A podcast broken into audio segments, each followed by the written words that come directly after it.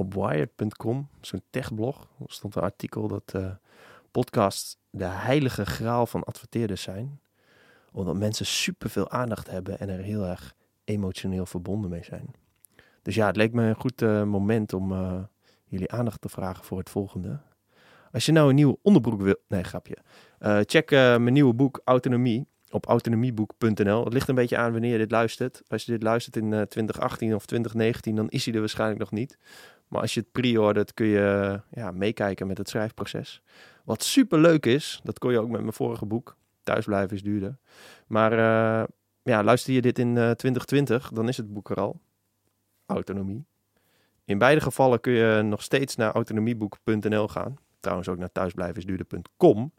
Om daar mijn boek te bestellen. En dan support je mij. En dat zou ik heel fijn vinden. En uh, niet ja, wix.com of squarespace.com of onit.com of onderbroekenmerk X of iets anders. Thanks voor uw aandacht. Autonomieboek.nl, thanks. Ja, dames en heren, ik weet het ook niet. De podcast aflevering... Shit, ik weet niet welke. Oké, aflevering 1 van seizoen 2. Met Klaas Boomsma. De man met dezelfde stem als Arie Boomsma. Dat zal je nog verbazen. Klaas die... Uh, die ken ik als uh, hardloper bij de Vondel Gym. Uh, hele blije man. En eigenlijk heeft hij uh, best wel een ja, intense historie, als ik het zo mag zeggen, met alcohol- en drugsverslaving. Daar heeft hij een boek over geschreven. Dat heet Ren voor je leven. Dat heb ik gelezen. Dat vond ik interessant. Leuk om te lezen. Um, omdat het ja, me best wel wat inzichten gaf. En omdat het tof geschreven is. En omdat het ja, best wel openhartig verhaal is. En daarom ga ik met uh, Klaas uh, podcasten, precies over dit onderwerp. En uh, ja, vooral eigenlijk over die verslaving. Iets minder over hardlopen. Ik hoop dat je het leuk vindt. Jo. Klaas, hoe kan het dat als ik jou twee dagen geleden vraag om te podcasten, dat jij gewoon kunt? Omdat mijn werk heel flexibel in te delen is. Ik, heb, uh, ik heb natuurlijk ook wel eens uh, tijden dat ik gewoon ergens moet zijn, zoals vanochtend in de Vondel Gym. Dan moet ik daar van 7 tot 8 zijn om... om uh, omdat ik er zat. Omdat jij omdat zat. ik graag wil hardlopen. ja, daarom. En, en voor de rest, de, de, dingen die ik op zo'n dag te doen heb, die, ehm, ja, die, die kan ik inplannen zoals ik wil. Mm -hmm. Dus zo kan dat. Zo, en wat ga je vandaag doen? Uh, ik moet schema's maken. Ik be begeleid uh, uh, mensen naar, de, naar marathons toe. En ook een groep naar de, de Dam tot Damloop. En voor die mensen moet ik een, een planning maken hoe zij zich het best kunnen voorbereiden daarvoor. En dat is nogal een klus, omdat het hele uiteenlopende niveaus en hele uiteenlopende doelen zijn die Hoe, ze hebben. Hoeveel mensen begeleid je? Um, het zijn er 25 naar Dam tot Dam. En uh, nu zeven naar de najaarsmarathons.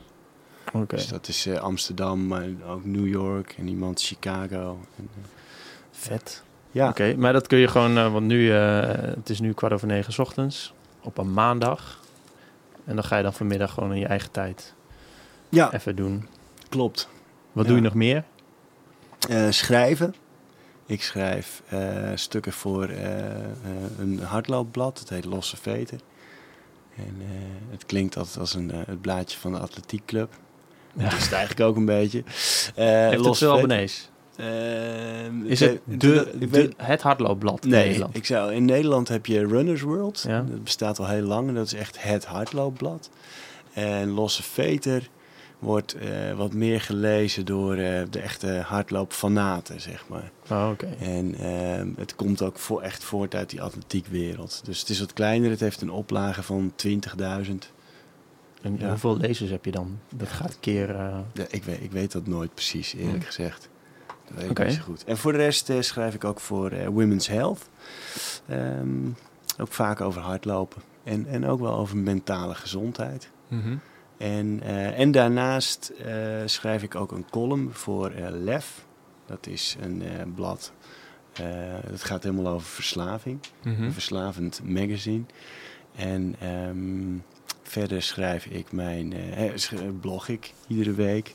En dat doe ik onder andere voor, eh, eh, voor de site van uh, Vondel Gym, maar vooral omdat ik het zelf leuk vind. Mhm. En, eh, en daarnaast geef ik eh, training bij de Vondel Gym en, eh, en, en ja, ook zelf. Dus soms personal training of aan groepen. Oké. En, eh, en ik ben ook een dag in de week eh, fulltime vader.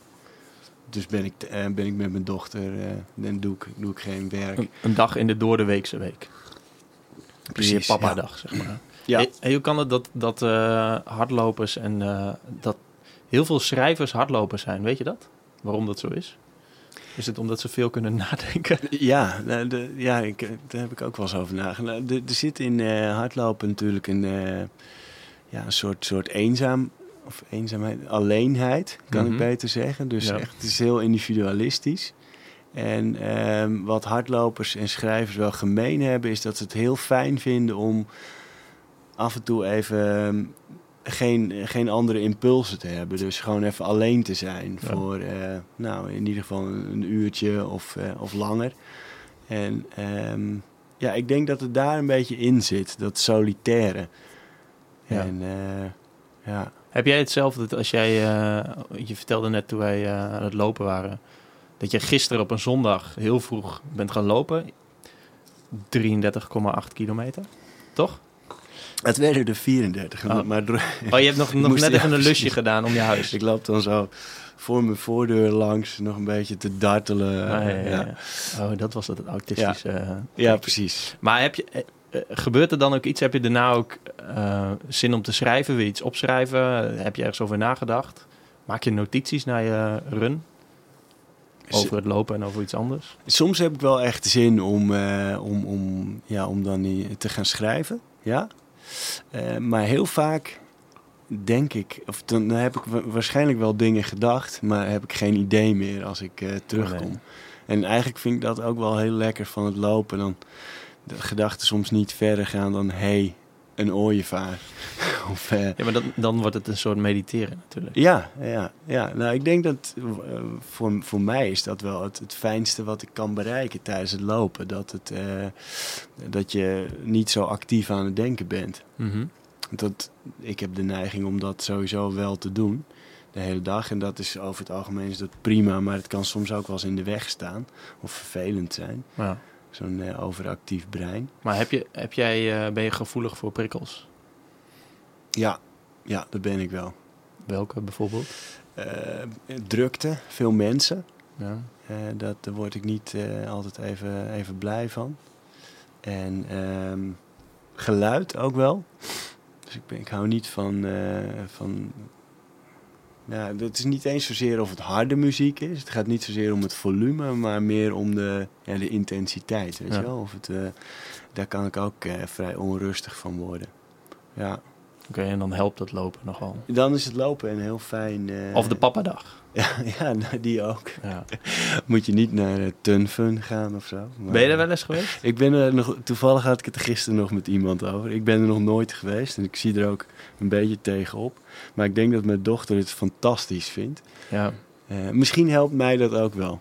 Als zij eh, heel veel pret heeft en daar eh, lachend rondloopt, dan vind ik het waarschijnlijk ook wel prima. Ja, ja, ja. Voor de luisteraars, Tunfun is een Ja. soort van ondergronds speelparadijs Ja. in Amsterdam.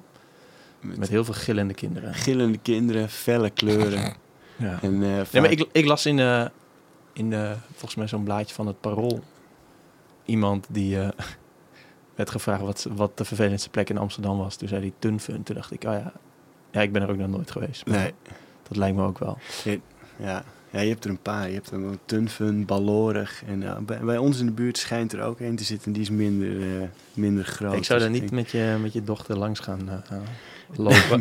Misschien zelf een keer, een keer scouten, de locatie. Ja. Hey, eh, ehm, ik, ja, ik heb jou wel eens gezien een aantal jaar geleden, maar ik ken je eigenlijk sinds kort.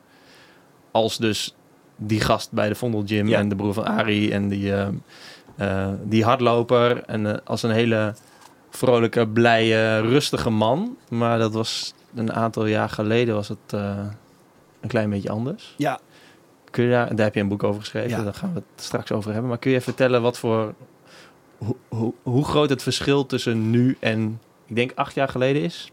ja. Ja, iets minder lang trouwens. Ik ben, ehm, ehm, even kijken, eind november van 2011 heb ik me laten opnemen in een uh, verslavingskliniek. En ehm, nou, daar komen we dan zo nog op. Het grote verschil is uh, dat ik veel meer rust heb in mijn, uh, in mijn lijf en in mijn hoofd. Mhm.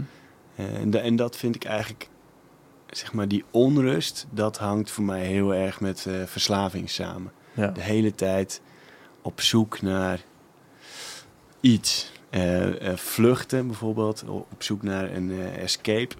En op zoek naar ja, dingen niet voelen. je kop in het zand stoppen voor verantwoordelijkheden. En dat, dat is denk ik, ja, dat klinkt een beetje, beetje wazig misschien, maar dat ik nu veel meer de rust heb. En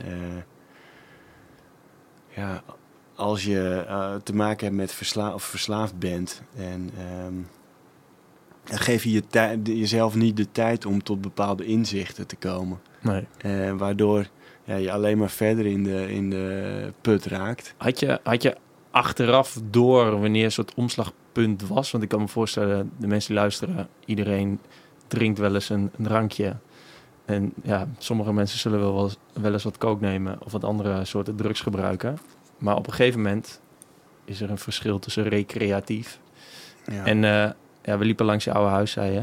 Waar je nog wel eens uh, overdag met de gordijnen dicht in je eentje aan het drinken was. Ja, Ja. dat is wel een groot verschil. ja, enorm. Ja, nee, zeker. Weet je wanneer zo'n omslagpunt kwam? Kwam dat geleidelijk Er zijn, achteraf te ja. zien dan? nou, er, er zijn wel een, een... Ik heb wel eens van die momenten gehad dat ik dacht... Ik zal toch niet verslaafd zijn? Ja. En als ik daar nu op terugkijk, zeg maar, in, in, in, in, op wat voor momenten en hoeveel ik toen dronk of gebruikte, dan, dan is die vraagstelling alleen al echt best wel absurd. Ehm, maar ik, bijvoorbeeld, eh, een van de eerste keren dat ik merkte eh, dat ik. eh, ja, dat ik er eigenlijk bijna geen controle over had, was, was al in Groningen.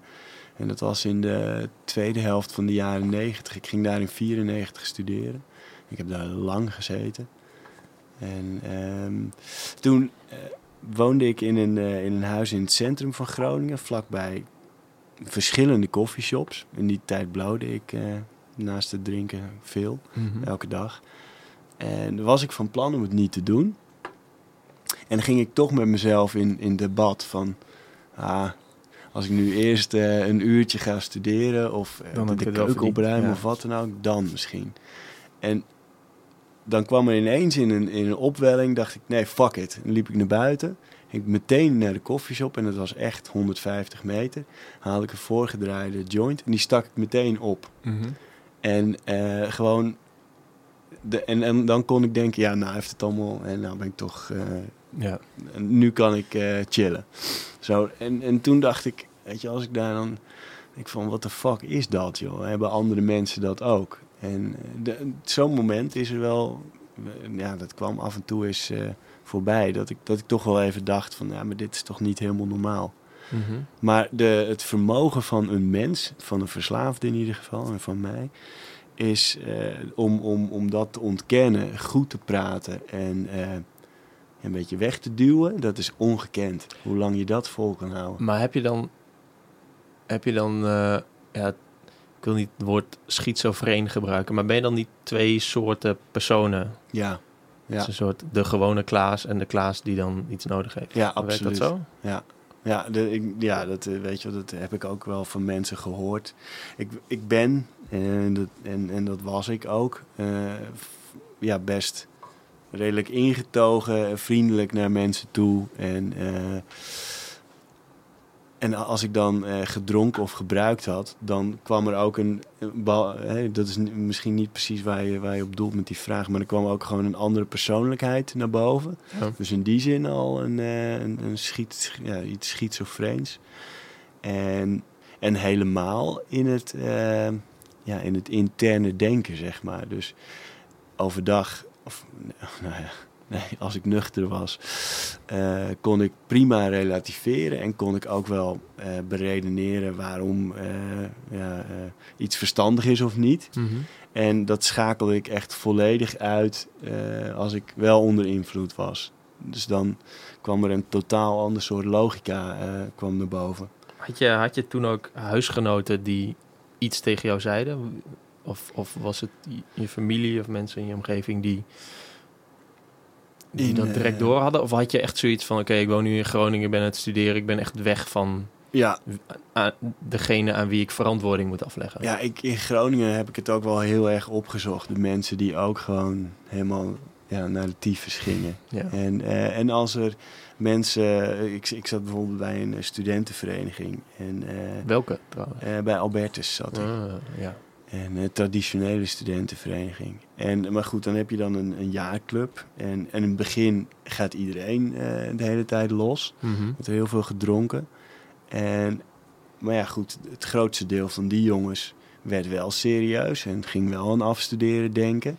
En als ik nu terugkijk, zie ik dat ik daar gewoon een beetje een soort afslag nam.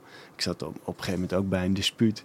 Daar komen de hele tijd nieuwe mensen komen daar binnen. Mhm. En eh, daar waren er altijd nog wel een hele hoop die, eh, die wel eh, losgingen. Ja. En, en, zeg, en ook next level, moet ik zeggen. En dus zo ja, scho- schoof ik zelf de hele tijd door. Ja. En ehm, dus dan kom je weinig in contact met mensen die, die zeggen van... joh, hè, doe, eens, doe eens een beetje rustig. Of is dit wel gezond? Ik had toen ook een vriendin. En daar had ik, als eh, onze ruzies gingen, stevast over mijn drinken. En, Mhm. eh, en over mijn blowen. We hadden dan s'avonds afgesproken. En het lukte mij gewoon niet om niet te blowen. Voordat ik naar haar eh, toe ging. Weet je, dan... Ja, ik had uiteraard had ik ook gewoon kunnen gaan studeren of zo. Maar ja, ik had dan een gapend gat voor me op die dag. En eh, ik kon dat maar op één manier invullen, blowen.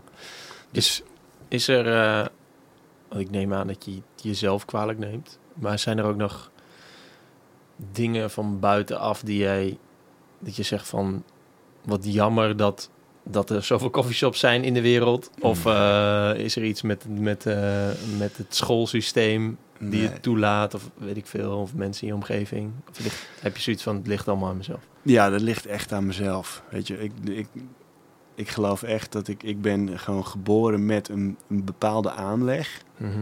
En ehm, ik, trouwens, ik denk dat er meer mensen die aanleg hebben en dat niet bij iedereen zich dat verwezenlijkt hoor. Dat, eh Maar wat voor aanleg is dat? eh, nou, een aanleg, gevoeligheid voor verslaving. Ja, precies. Maar En, ik, denk, eh, ik denk serieus dat iedereen heeft wel het soort yin en yang, een soort passie die door kan slaan in verslaving. Ja. Ja, nee, ja. Ik, ik geloof op de, op de een of andere manier, weet je, als ik vertel over mijn verslaving en, en ik heb daar wat meer tijd voor, zoals in mijn boek bijvoorbeeld, Ja. eh, dan ehm bijna iedereen herkent daar wel elementen in. Ja. En eh, heel vaak niet zozeer in het eh, middelengebruik, maar wel in die mechanismen die erbij horen. Dus dat, dat doorslaan in, in iets bijvoorbeeld. Nee, nee, ja, dat als je ehm, ja, van alles wat je heel vaak doet en veel andere dingen voor opgeeft, dan ben je wel de hele tijd aan het Ja. goed praten dat het goed is. Ja. Ik merk dat zelf. Ja, ik zit dan ik, ja, niet echt in de ehm weet wat? Ik heb niet echt veel eh, ervaring met alcohol of drugs of verslavingen daaraan. Maar bijvoorbeeld wel in eh, fitness. Daar hebben natuurlijk ook mensen die ja, daar best wel in doorslaan. Ja. En allerlei argumenten bij elkaar verzamelen om zichzelf op de eerste plaats te overtuigen dat het goed is. Ja. En daarna hun omgeving. En dan heel vaak ja, komt er dan toch zo'n omslagpunt. Ja, nou ja, dat, dat is, dat is eh, denk ik inderdaad voor veel mensen herkenbaar. En ja, wat het, wat het ziekelijk verslaafd maakt, is ehm, hoe ver je daarin gaat. Mhm. En, eh, en wat de functie is van, dat, eh, van het wegstoppen. Kijk, je kan niet heel veel doen, zoals er best veel mensen zijn die stevig drinken, maar die je geen alcoholist zal noemen. Mhm. Ehm, maar als, als dat drinken en gebruiken, zoals bij mij, ook de, een functie heeft van eh, je denken uitschakelen. Mhm. En, eh, en, en, en gaan geloven dat het jou helpt om te dealen met de wereld. Ja. Want dat, dat speelde bij mij ook wel. Dan, eh, ja, dan wordt het eh, echt, echt iets ziekelijks. Welke ding, waar, met welke dingen vond jij het moeilijk om te dealen dan? Verwachtingen. Van? Van, vooral van mezelf. Oké. Ja, ik had van mezelf wel, eh, ja, misschien ook wel een beetje meegekregen hoor, uit mijn jeugd. Van, dat, ik was dan de slimme thuis. Mhm. Weet je wel, het kinderen die allemaal zo'n rol hebben. En, en ik, dus ik, ik, ja, daar was ik mee opgegroeid. Dus ik, ik moest het ook gewoon goed doen op school. En eigenlijk ook met studie. Mhm. En eh, met die studie, ja, als je niks doet, of heel weinig doet, dan gaat dat natuurlijk niet Heb goed. je, heb je überhaupt een En- beetje punten bij elkaar kunnen sprokkelen? Hoe heb je dat? Ja, Je, je, je ben je altijd ingeschreven geweest? Ja. ja, ik ben... eh, Welke studie deed je? Ik begon met eh, geschiedenis. Ja. Heb ik twee jaar ingeschreven gestaan. Ja. En dan heb ik van mijn eh propenduizen de eerste 30 punten of zo gehaald. ja. Dus eh, je moest er 42 hebben om het te halen. Ja. En het zegt eigenlijk wel heel veel dat in het tweede jaar dat ik heb ingeschreven gestaan, ik nooit, het, het mij niet is gelukt om die resterende 12 op te rapen. Weet je wel, dat zou echt Ja. een minimale inspanning zijn geweest. Dan had ik in ieder geval mijn P, mijn propenduizen. Maar eh, weet je, dat, ik deed gewoon niks meer. En ik, ik ging toen, ik denk van nou, ik moet maar iets anders doen, want deze studie ligt me niet. Alsof dat het was. En, en toen ben ik rechten gaan studeren. En daar heb ik nog eens zeven jaar over gedaan. Oké. En, eh, Heb je daar je P wel ooit gehaald? Ik heb het, eh, de studie afgemaakt. Oh, echt? En, eh, want weet je wel, zo, dat is ja, tot aan het einde toe. Ik heb ook altijd wel fases gehad dat ik eh, ja, altijd wel dronk en blode, maar dat het niet zo extreem was. Mhm. En, en bij eh, rechten bijvoorbeeld, eh, ja, in de tentamenperiodes ging ik dan in heel korte tijd heel veel trainen op tentamens. Ik wilde zeggen studeren, maar studeren is echt de stof masteren. Ja. En ik probeerde het tentamen te masteren. Dus dat je weet wat de systematiek in de vragen is. Ja. eh, weet wat voor... Hier gaan ze iets vragen, daar gaan ze iets vragen. Hoe, hoe kom je daarachter dan? Oh ja. En maar eerdere tentamens? Proeftentamens. Ja. En, eh, ja, en, en, die, ja, die professoren en docenten op de universiteit zijn over het algemeen niet bijster origineel. Dus die, eh, die pakken ook gewoon van tien jaar tentamens erbij en dan maken ze een nieuwe van. Ja. En als je dat een beetje door hebt, ja, daar kom ik een beetje te laat achter. Maar het, ja, het klopt wel, ja. dan kun je ja, met eh, echt. Ik eigenlijk helemaal op het laatst had ik, had ik ook vakken die ik best wel leuk vond om te doen. Mhm. En, en, en to- toen kwam ik er eigenlijk pas een beetje achter wat, wat bij mij paste. En eh, bijvoorbeeld het schrijven heb ik echt eigenlijk tijdens mijn rechtenstudie eh, ontdekt dat ik dat leuk vond om te doen. En, en dat mensen het ook fijn vonden om mijn schrijfsels te lezen, zeg maar. ja. Dat kreeg ik dan als feedback. Maar dit, was dat zeg maar. eh, is schrijven voor jou dan een manier om jezelf te uiten? Of is het een manier om anderen te vermaken of te informeren? Of combinatie van beide? Ja. Of iets anders, dat mag ook als antwoord. Ja, het is, nou ja, de- het, het begint met eh, een manier om mezelf te uiten. Mhm. Van schrijven vind ik gewoon heel fijn dat eh, je iets, iets kunt proberen te verwoorden. En dan lees je het terug en denk je, "Hmm, dit is het nog niet helemaal. En zonder dat er prikkels zijn of Ja. zonder dat iemand er al, al iets van vindt. Dan vind ik trouwens knap wat jij, aan het, eh, wat jij gaat doen met, of doet met eh, het boek over autonomie. Maar daarover misschien later meer. Eh, maar zonder de- dus dat je gewoon in, in afzondering, in alle rust, jezelf kan verwoorden. Mhm. En, en vervolgens vind ik ook wel een heel mooi eh, iets ervan. eh, ja, dat je dat de wereld in kan sturen. Ja. En kijken of, eh, ja, of, of mensen dat begrijpen. En of ja, ze misschien ook op een gedachte brengt. Dat En- vind ik wel leuk. daarvan. Maar met welk vak hoorde, kwam je erachter? Hoe- Wat, wat, wat, wat was Ehm, dat? Ja, ik, moest in de, ik volgde toen vakken als criminologie bijvoorbeeld, criminologie 1 en 2. Ehm, en daar moest je veel ehm, voor schrijven, schrijfopdrachten, essays eh, onder Ja. andere schrijven. En eh, dan ben je natuurlijk best nog wel technisch en vakinhoudelijk bezig. Alleen, je bent al wel echt eh, een betoog aan het opbouwen Ja. en zo. Maar het is En- een soort maken, is het toch? Je, Ja. je bent iets aan het Ja. Nou ja, bouwen. dat- je bent echt iets ja. aan het bouwen, ja.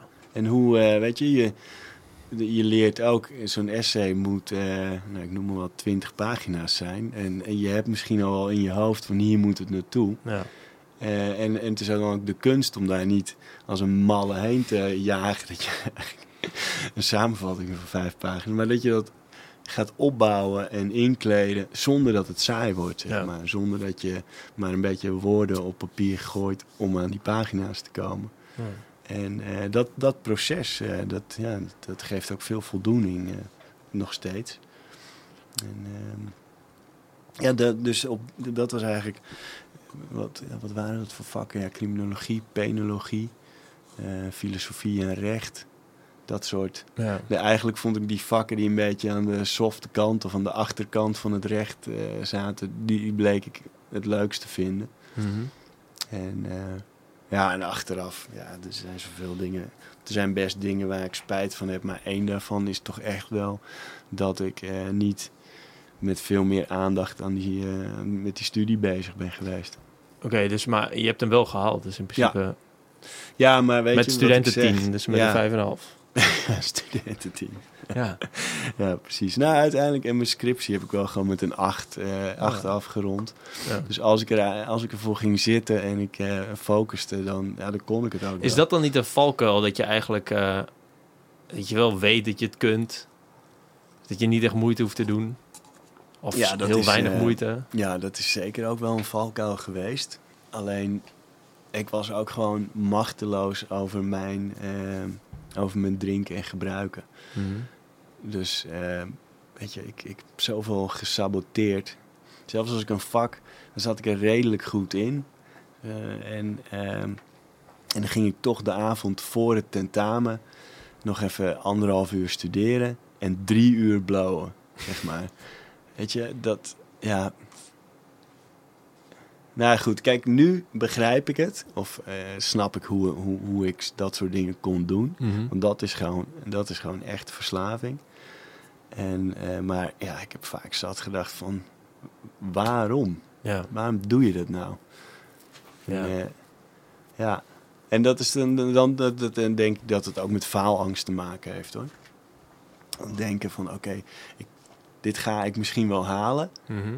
En dan oh, vervolgens de gedachte van of misschien wel niet. Mhm. En, dan, eh, en dan het maar saboteren. ja, maar Want dan, hè, dan is het alvast mislukt en eh never mind. Dat, eh, ja, precies op die Ja. manier. Oké. En, en toen je hebt die studie afgemaakt. Ja. Wat ging toen doen? toen, toen ging ik eh, samen met Arie overigens.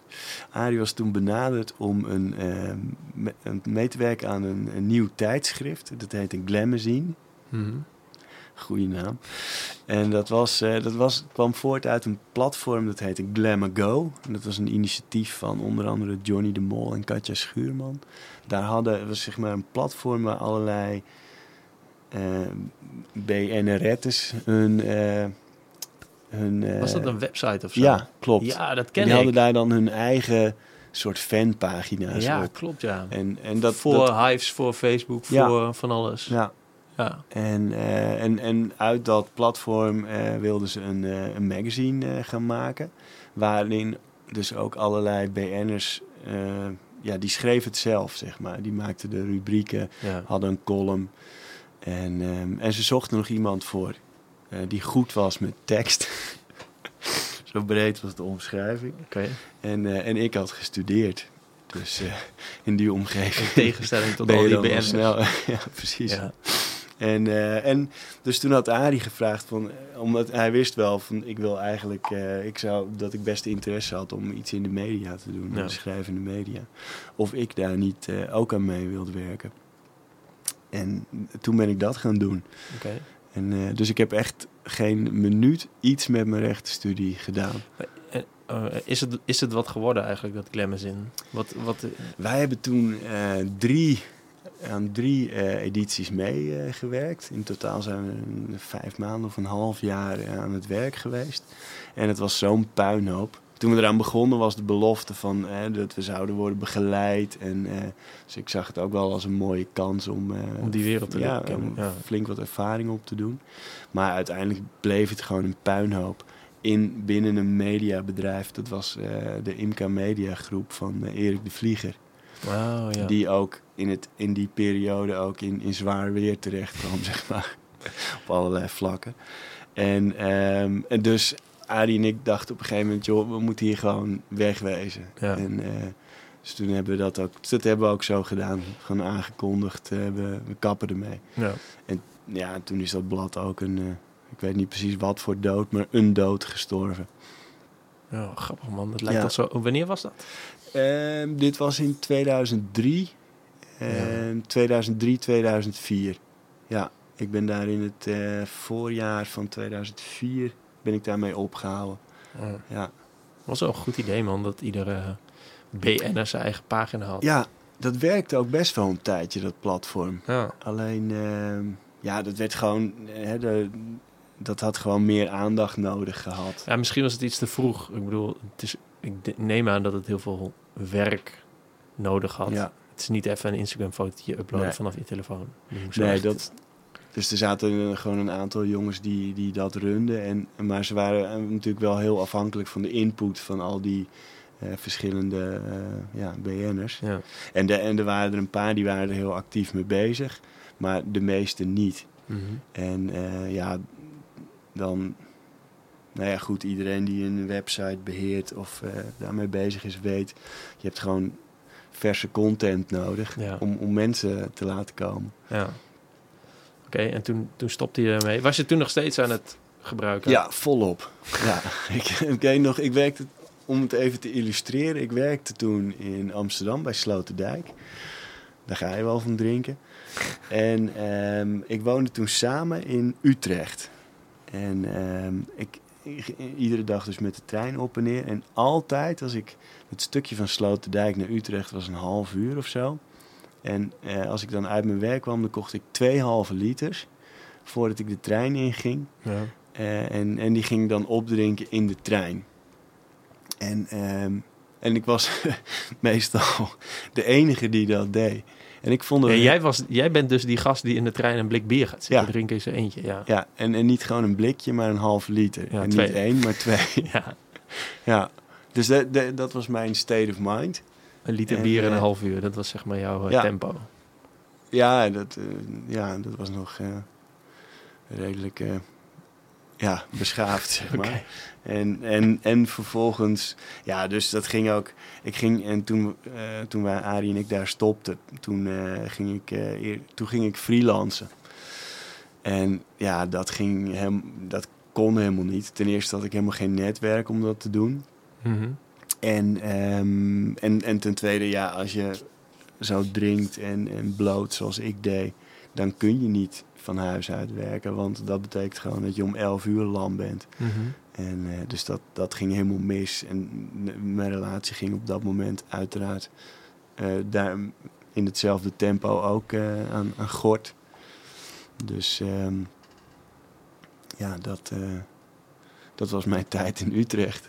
Ja. maar oké, dat ging dus niet. Wat, wat kwam er daarna? Ehm, eh, toen die relatie over was. het kwam je kwam- tot zelf tot de conclusie van dit gaat niet? Of, Nee, ik vond nog steeds als, dacht ik, ja oké, maar als, als ik, eh, nou ik ging toen weer solliciteren bijvoorbeeld. Als ik straks een baan heb, dan Ja. eh, heb ik weer goede dagbesteding en ritme. Dan eh, ga ik ook niet meer s ochtends een fles wijn opentrekken. maar, nu, Of, eh, maar nu nog wel even. maar nu nog wel even. Ja. Ja. En, eh, maar nu, nu is er nog tijd. Ja. En nu, nu is dit even aan de hand. En eh, ja, nu, ik maak me nu ook zoveel zorgen. Eh, ik heb dit ook gewoon nodig om te relaxen.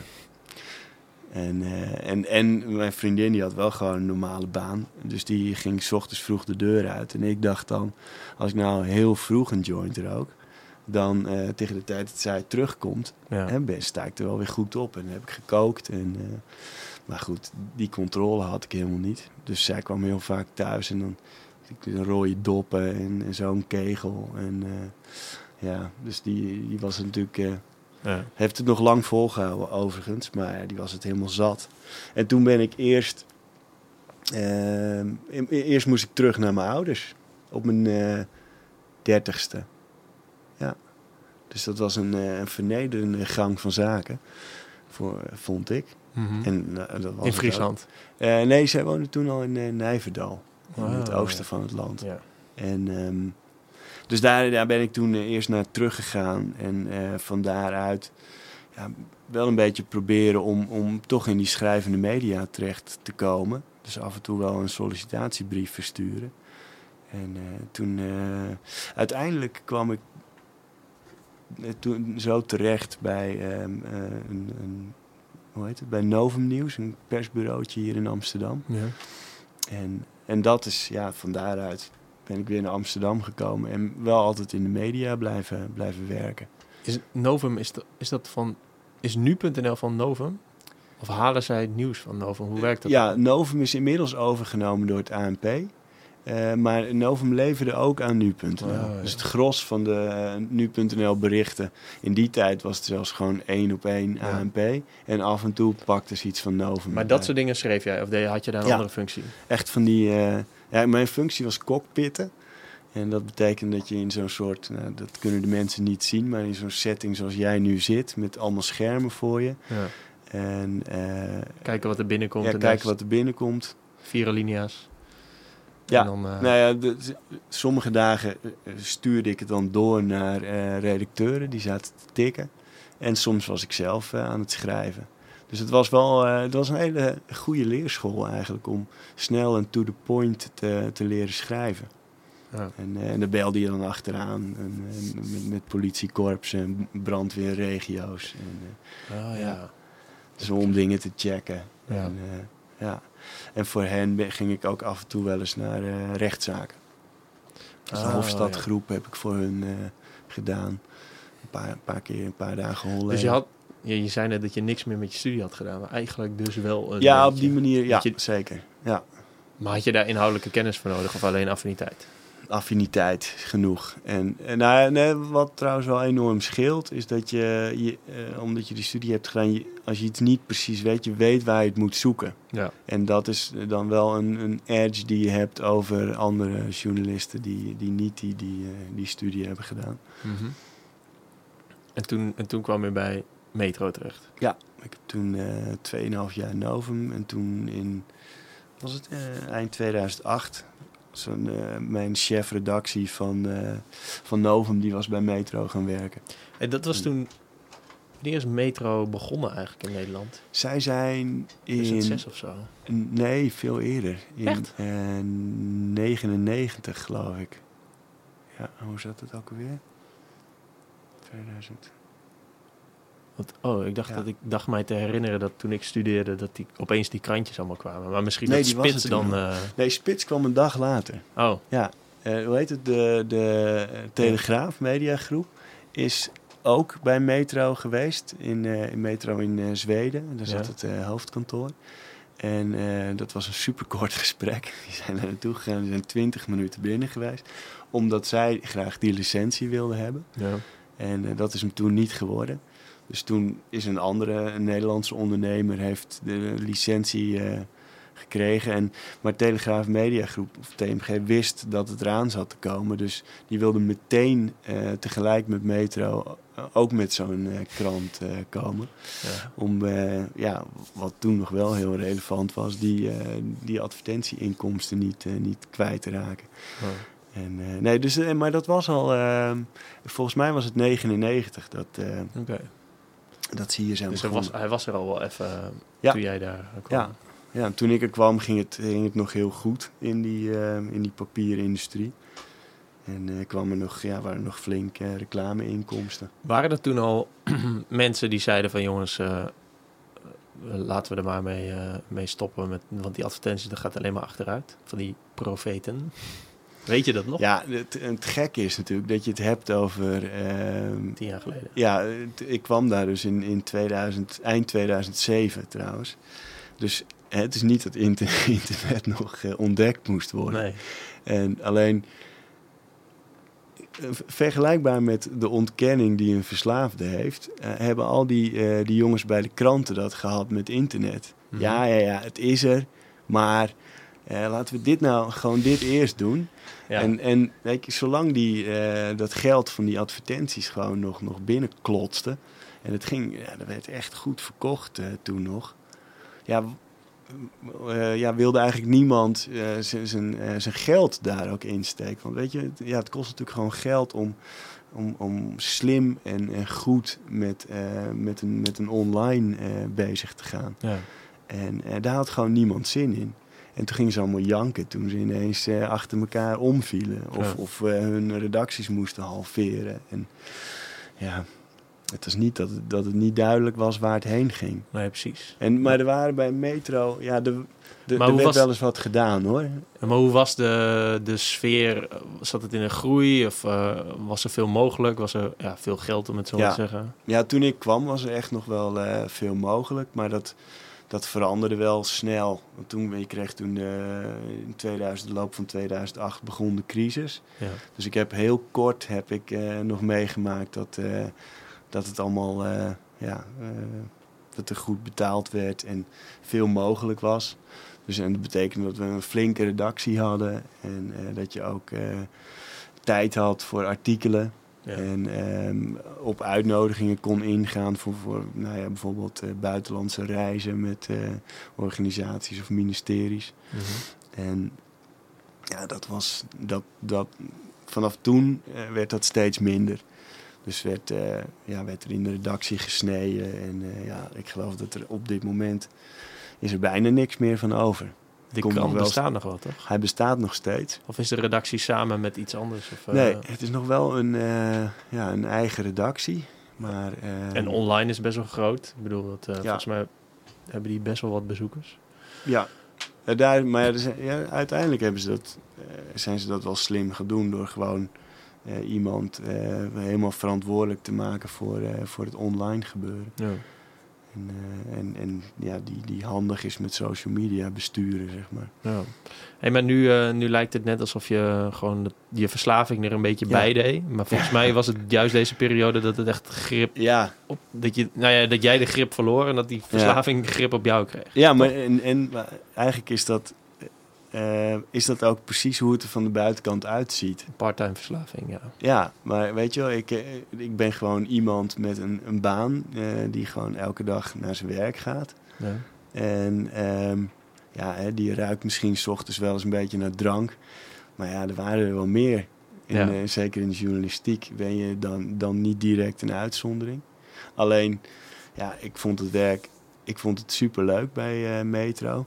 En toch, binnen een half jaar was voor het eerst dat ik een dag niet kwam opdagen. Mhm. Het was een dag na Koninginnedag. En de hele dag, hele nacht en de dag zelf ook nog door zitten, zitten snuiven. En ehm, ja, dus de, dan zet je wel meteen alles op het spel eigenlijk. ja. Dus, ehm, en, en daar kwam ik dan nog mee weg. Eh, en ja, in die tijd, ik ging ook ietsje beter verdienen. En eh, ja, ik zat... Ik had op dat moment al best wel schulden die ik eigenlijk moest gaan aflossen. Toen dacht ik ook eerst van, nou, ja, dat kan ik nu wel gaan regelen. Maar ik deed het, ik deed het niet. Nee. Dus dat, dat liep in die periode ook enorm, eh, ja, liep dat heel erg op. Ik woonde op dat moment toen eh, daar in het centrum, Rapenburg. En ja, alle post die binnenkwam, post met raampjes, zoals ik het eh, altijd noem. ja. Die, eh, Van de Belastingdienst, ja. IB-groep. En, eh, Precies, ja. Zorgverzekering. Dat eh, verdween allemaal in een, eh, in een, eerst in een la en toen het daar niet meer in paste, in een weekendtas. En ja, dat liep gewoon door. Dus, en ik deed gewoon of dat niet bestond. En op het moment dat ik eh, in, naar mijn werk ging, fietste of in de, in de tram stapte, dan was het voor mij ook niet zo. ja. Dan was ik gewoon iemand met een baan, eh, een, een normaal sociaal leven, op een gegeven moment weer een vriendin. Dat was ik. En eh, zodra ik thuis kwam, werd ik geconfronteerd met wat ik eigenlijk, ja, of in ieder geval ook was. Mhm. Namelijk ja, iemand die veel te veel zuipt, eh, bloot, later snuift en zijn verantwoordelijkheden niet nakomt.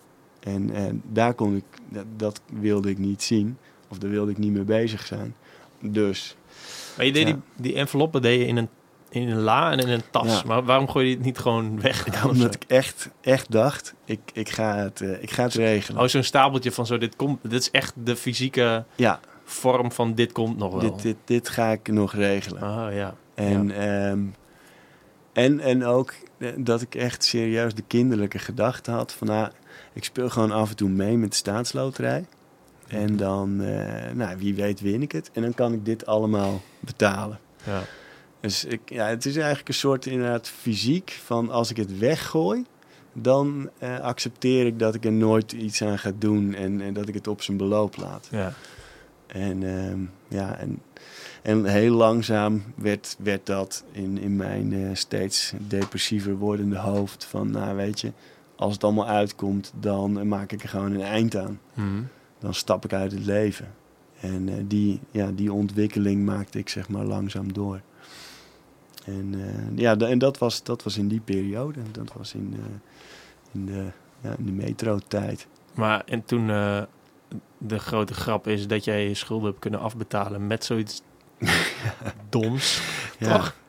Ja, ja, het was wel. Ik kwam eerst kwam er echt een, een, een, weer eens een, een crisis. En hè, dat het, dat het zo, zo'n puinhoop Persoonlijke werd. crisis. Ja, persoonlijke crisis. En dat ik echt dacht van eh, ik moet er nu eh, eind aan maken. En, ehm, en ook. In, in, hoe, in hoeverre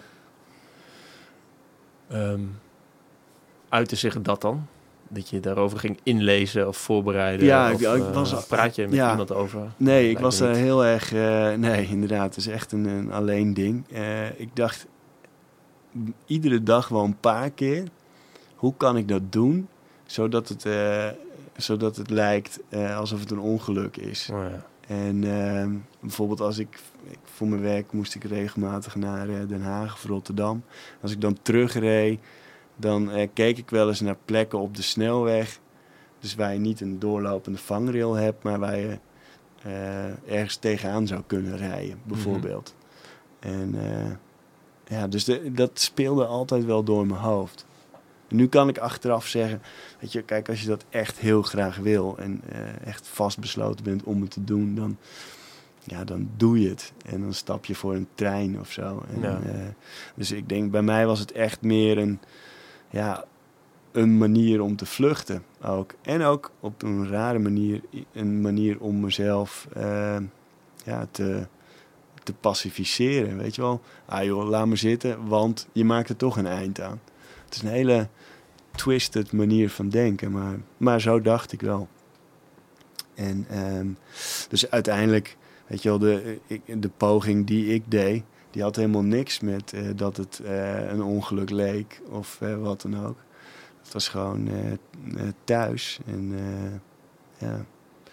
Nou goed, het was een halfslachtige poging hoor. Dat, dat, Maar wat, wat, wat voor poging was dat? ik, ik, eerst wilde ik met een mes wilde ik dat doen. Wilde ik mezelf gewoon steken. Ja. En, ehm, en dat, ik ben ook echt op de wc gaan zitten en met zo'n bootknife, zo'n zo'n legermes.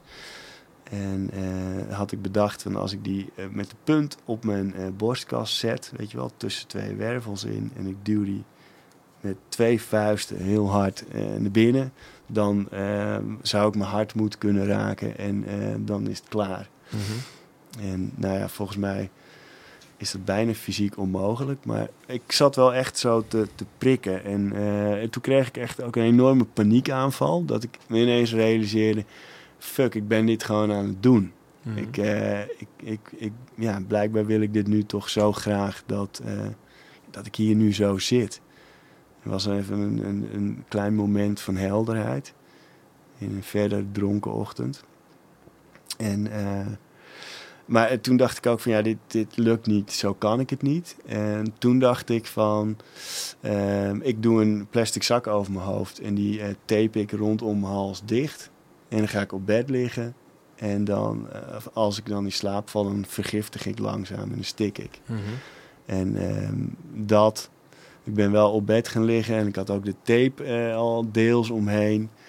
En ik weet ook nog heel goed dat, weet je wel, als ik dan ademde, dat ik het plastic zo tegen mijn eh, gezicht voelde komen.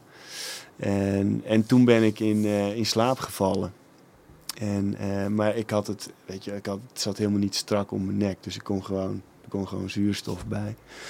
En, eh, en, en toen kwam mijn vriendin thuis. Dat was, eh, eh, dat was al wat later in de middag. Maar is je niet zo... Je was dronken, zei je. Ja. Maar het had net zo goed wel zo kunnen zijn, zeg maar. Ja, ja. Ja, maar ik denk toch dat, weet je, ja.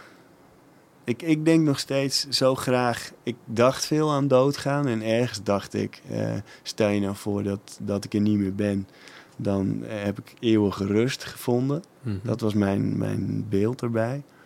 En, ehm,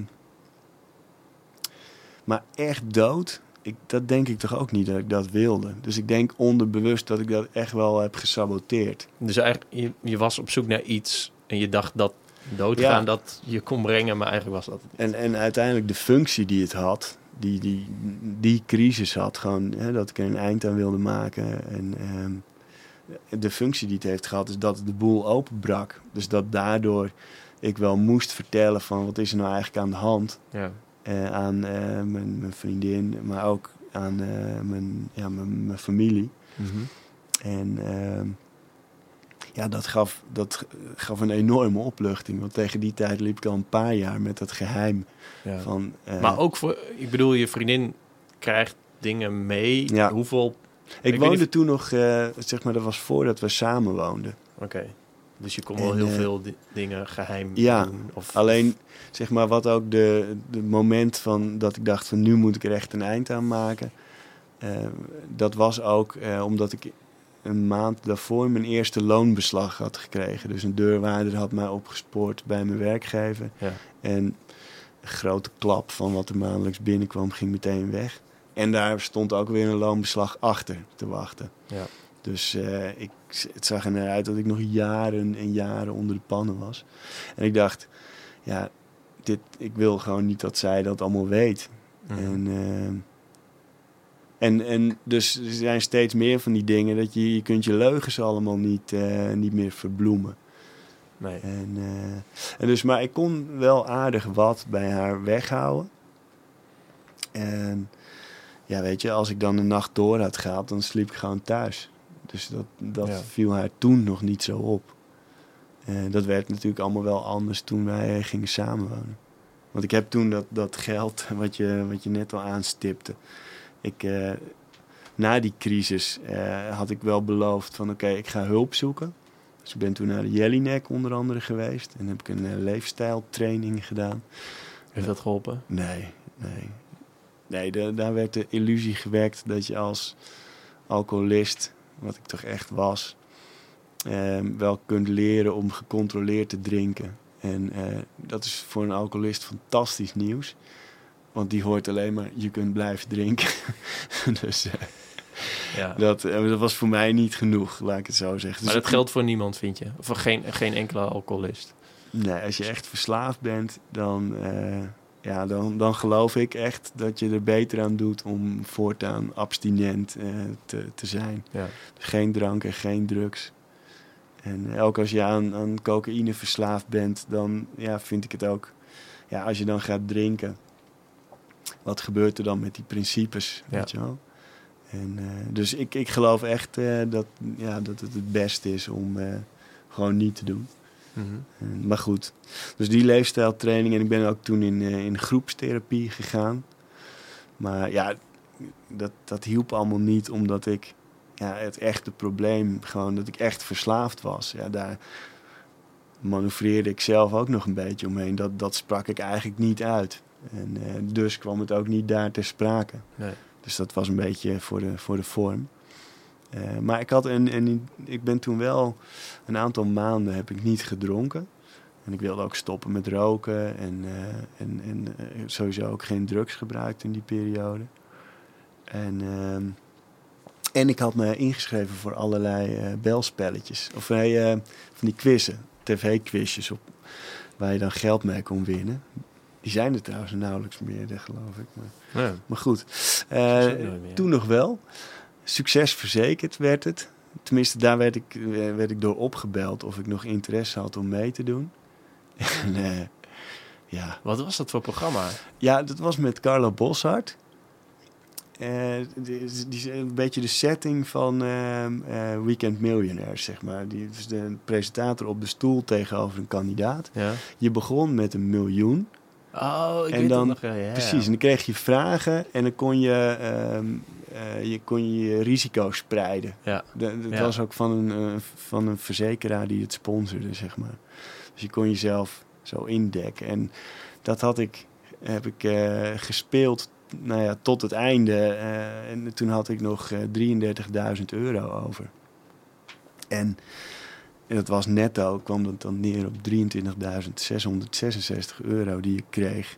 Ja, en dat was genoeg om de ergste shit op te ruimen. Dus Ja. alle acute dingen, dus nog niet mijn studieschuld, maar wel eh, die loonbeslagen.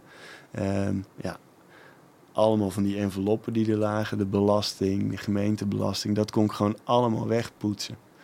En Dus eh, Toen was het ook op. eh, ja, ik ben nog op vakantie geweest en ik heb nog een PlayStation 3 gekocht. Dus ik heb het super nuttig besteed. Ben je verslaafd geraakt aan gamen? Of, eh, Nee, nee, uiteindelijk niet. Ik, eigenlijk van gamen vond ik eigenlijk maar één spelletje leuk en dat is Guitar Hero. Ja, dat is vet. maar eh, nee, daar ben ik niet verslaafd aan geraakt. Ik, toen wel, ik had dat geld, ge- of ik wist dat ik het zou krijgen. Het moet dan eerst moet die uitzending geweest zijn en dan krijg je het pas.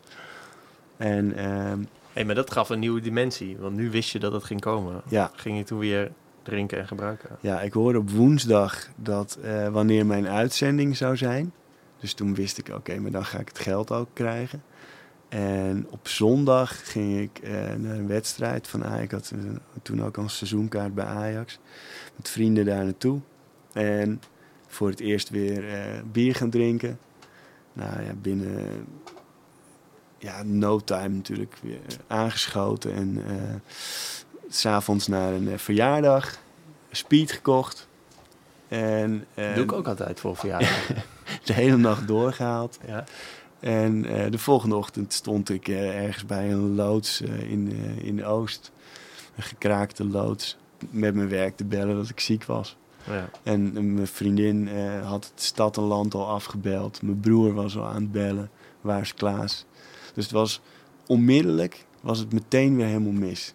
Zodra ik het geld had gewonnen, ik dacht, de shit is over. Was meteen is zo, mis. zo gek toch? Dat als je het geld niet hebt en loonbeslag krijgt, dat je in de shit zit. En Ja. zodra je het geld wel hebt, dat je ook in de shit zit. Ik geloof echt voor eh, mensen met, eh, die verslaafd zijn, dat geld hebben is, minstens zo'n groot risico als, eh, als de, ja, het deprimerende van gebrek aan geld.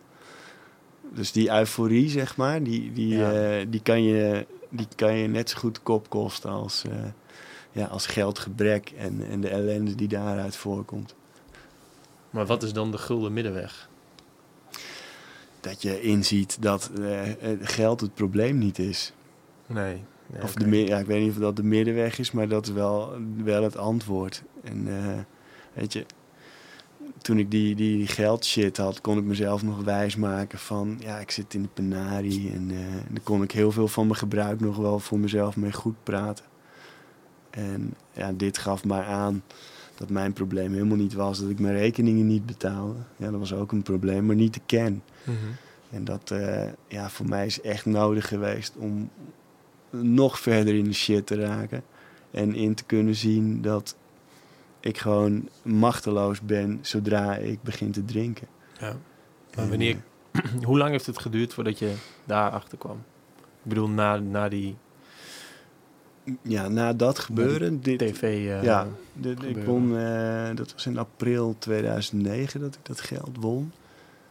In mei dat ik het had, zeg maar.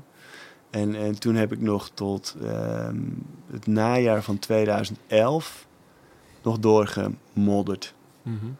En, eh, en pas toen, toen eh, maakte ik had inmiddels eh, met die vriendin hadden we ook een, hadden we een huis gekocht. En ja, de- zij maakte het toen uit en ja, alles begon eigenlijk in elkaar te storten. En Mijn broertje was inmiddels toen ook opgenomen. Met, eh, ja, die is een beetje net als ik. Of een beetje. Heel veel net als Sietse ik. Sietse, ja. Ja. En eh, die was toen in de zomer van 2011 eerst naar Nederland gekomen. Want hij woont in Egypte waar hij werkt als duikinstructeur. Ook huwelijk naar de kloten. En eh, ja, gewoon, dat ging bergafwaarts. En hij kwam naar Nederland om te kijken van, ja, moet ik me misschien laten opnemen? Of eh, ook van- van- ja, vanwege eh, verslaving aan eh, drank en drugs. En die heeft dat toen, na nog een paar maanden heel erg los te zijn gegaan met mij, is hij toen in augustus van 2011 eh, opgenomen. Ook voor drie maanden. En dus ja, dat begon allemaal al te spelen. En ja, Wat, wat, toen hij naar Nederland kwam en jij ging met hem gebruiken Ja. en drinken, wat voor gevoel had je toen? ja, heel droevig. Dat was Met z'n tweeën? Ja, met z'n tweeën was het echt kut. Elke keer begon de avond heel leuk en eh, lachen. en Het was leuk, we zijn samen. En we voelden gewoon bij elkaar eh, dat het feest over was. En ehm, weet je wel, dan zaten we om, om, om zes uur s ochtends ergens op een bankje in het park een beetje te praten. En hey, we hebben nog een pil. Ja, en dan namen we die en dan binnen een half uur ja, wisten we, oké, nu, nu zit het slapen er voorlopig ook niet in. En er werd het steeds stiller. En ja, het was echt, het was best, we konden het ook niet, ja, we, we hadden het allebei niet onder controle. We durfden er eigenlijk niet met, daar niet met elkaar over te praten. Mhm. Van eh, waar, waar gaat dit heen? En eh, dus het was, ja, daar is het besef wel een beetje bij mij ook begonnen. En hij, hij ging toen, ehm, nou, hij ging daar, had een afspraak bij een eh, psychiater die in verslaving, een Bram Bakker, die daarin gespecialiseerd is. En ja, hij, hij had eigenlijk gehoopt van, nou ja, als je dit of dit doet, dan gaat het beter met je. Mhm. En die vertelde hem toen van ja, joh, maar je bent gewoon alcoholist. Als, je, als dit het patroon is, dan ben je dat. Ja. Dus hij kwam, ja, hij zag gewoon in van ja, en die man heeft gelijk en ik moet me laten opnemen. Dus ja, hij is toen eh, dat gaan doen. En in die tussentijd dat hij in, eh, in hij ging ook naar Zuid-Afrika naar een kliniek. En in de tussentijd dat hij daar zat, ging bij mij helemaal alles eh, naar de kloten. Dus toen ging mijn relatie uit. Werd ik opgepakt met eh, drank op achter het stuur. In een auto van, eh, van mijn werkgever. Ehm, ja, kwam ik. eh, en uiteindelijk ook niet opdagen op mijn werk. En, en weet je, dus tussen dat drunk driving incident en niet opkomen dagen, zat geloof ik zes weken. Ja. Dat ik weer met mijn baas en met de personeelschef om tafel moest. Ja, dat En, zei je in de, in de podcast met Peter, dat je Ja. dacht van, nou nu eh, zullen ze me wel ontslaan. Ja, dit is wel klaar. En ik had natuurlijk een geschiedenis al. Hè. Ik had al een paar officiële waarschuwingen in de loop der jaren opgebouwd. Ja. Vanwege het niet opkomen dagen. En, eh, Maar kon je, kon je goed, zeg maar, je werk, de reden waarom je was aangenomen, dat uitvoeren? ja, ja. Maar ja, dat is een beetje net als met dat studeren. Op een gegeven moment ontdek je dat je een bepaald dingetje kunt. Ja. En eh, daar kun je heel erg op leunen. En eh, dus je, je, je zorgt, ook omdat je eh, in je achterhoofd speelt altijd iets van een schuldgevoel mee. Dat je eigenlijk wel weet, ja, ik, ik doe niet mijn uiterste best. Dus ik moet er wel voor zorgen dat ik niet onder, die, onder de 5,5 lijn zak, zeg maar. En ehm, zo was het ook met mijn werk. Dus ik, ik, ik deed nooit moeilijk. Dus als er eh, bijvoorbeeld op een, eh, een zaterdag een verslaggever ergens heen moest, dan eh, vond ik dat prima. Ehm, ik maakte er ook nooit een punt van om, om nog tot, tot zeven of acht uur op de redactie te zitten. Ook als ik geen avonddienst had. Dus ik, ik was ook wel een prettige werknemer, zeg maar. En, en ze wisten ook wel ehm, dat ik ja, als ze een bepaald verhaal wilden hebben, dat ik dat kon, eh, kon, kon doen. Dus dat, dat, dat kon ik wel. En ik was ook niet, zeker in die tijd bij Metro. Kijk, bij Novum, eh, heb ik gewoon, eh, ik denk anderhalf jaar of zo, dat ik gewoon heel regelmatig ochtends al dronk. En in zo'n fase zat ik niet toen ik bij eh, Metro was. Je, je hebt verschillende fases. Ja, in- allerlei verschillende fases. Meestal ook me- samenhangend met verschillende soorten drugs. En in Novum eh, begon het, eh, het speed- en coke-tijdperk. En eh, dus dat speelde zich allemaal meer in de nacht af. En ja, s ochtends was ik dan regelmatig wel ja, gewoon heel moe. En ja, niet echt op, de, op mijn top qua energie. Hebben Maar- collega's wel eens gezegd, yo Klaas, de fuck ben je aan het doen? Weet je, ja, want ze hadden het sowieso door, dus. Ehm, Soms. Heel veel niet. Ze, ze hadden, nou ja, van het drinken wel. Bijvoorbeeld van, ja, Klaas is best wel vaak brak. Ja. Ehm, maar, ja, ik, het, eh, misschien zijn er, wel- er zijn wel een paar die, die achteraf ook zeiden van, oh ja, eh, toen, ze, toen ik me liet opnemen van, oh ja, want je ging er ook wel stevig tegen. Maar ik, eigenlijk heb ik daar heel weinig opmerkingen over gehad. En, ehm, want wat eh, bijvoorbeeld mijn baas en de personeelschef allemaal wisten over mij, van, eh, ja, van, van die jaren dat ik daar werkte, dat wisten de meeste mensen niet. Of de meeste, bijna niemand wist dat. Ook niet van dat loonbeslag. En eh, ja, die, ze, ja je, wordt er, je wordt er ook wel heel goed in om, om, om dingen te verbloemen. En, en ja, als je nagaat dat er, dat er mensen zijn die eh, zeg maar tot aan hun pensioen kunnen doorrommelen terwijl ze alcoholist zijn. Als er andere omstandigheden om je heen redelijk voor elkaar zijn, zoals bij mij, dat ik gewoon in, keurig in huis woonde en eh, een vriendin had die eh, zorgde dat eh, administratieve dingen bijvoorbeeld geregeld zijn. Ehm, die er ook mede voor zorgt dat je gewoon normaal eet. Ja, dan kun je best wel eh, lang functioneren. Kijk naar eh, Jules Deelder bijvoorbeeld. Die heeft een hele infrastructuur om zich heen... waarin hij gewoon 100% junk kan zijn. En, en dan kun je heel lang doorgaan. Ja. Ja, dat had ik ook wel gewild in die tijd. Maar, maar ehm, dus, ja, dus je kunt een hoop verbloemen. En ehm, mensen vinden het ook wel... Ja, het klinkt een beetje cru, maar vinden het ook wel leuk dat je drinkt. Want eh, dat maakt ook dat je eh, gezellig bent. En ik doe, ik doe nu eh Air quotes. air Ja. quotes. Maar hè, dus je bent ook altijd wel in voor een feestje. Mhm. En, en uiteindelijk, weet je, toen ik stopte met drinken en duidelijk maakte dat ik ook niet van plan was om weer te gaan beginnen, ehm, heeft dat bij sommige mensen ook wel, die vonden dat niet positief. Weet je, Ja, ja, ja. joh, hè, ik- als, je nou gewoon, als je nou gewoon een beetje rustig aan doet, dan kan het toch wel. Doe, doe gewoon met ons mee, wij drinken er twee. Ja, dan ga je gewoon met mij mee naar huis om één uur. En, ja, Ja. ja. Dus eh, Maar toen, Ja. je, had, je had het gesprek, je zei eh, drunk driving niet komen opdagen. Was dat toen, en toen was je bang dat je ontslagen zou worden, maar dat zou niet gebeuren. Is het toen overlegd van, oké, Klaas, misschien eh, ja, moet je je laten opnemen? Of kwam je er Nou zelf ja, mee? Of, of ja de, zij dat Zuid-Afrika was eh, er al? Ik bedoel, de, je broer was er al? Ja, de- dus ik wist dat dat bestond in ieder geval. En hoe zij, eh, mijn, eh, mijn chef Robert, eh, het precies formuleerde was... Klaas, er is iets met jou aan de hand en wij weten niet precies wat het is.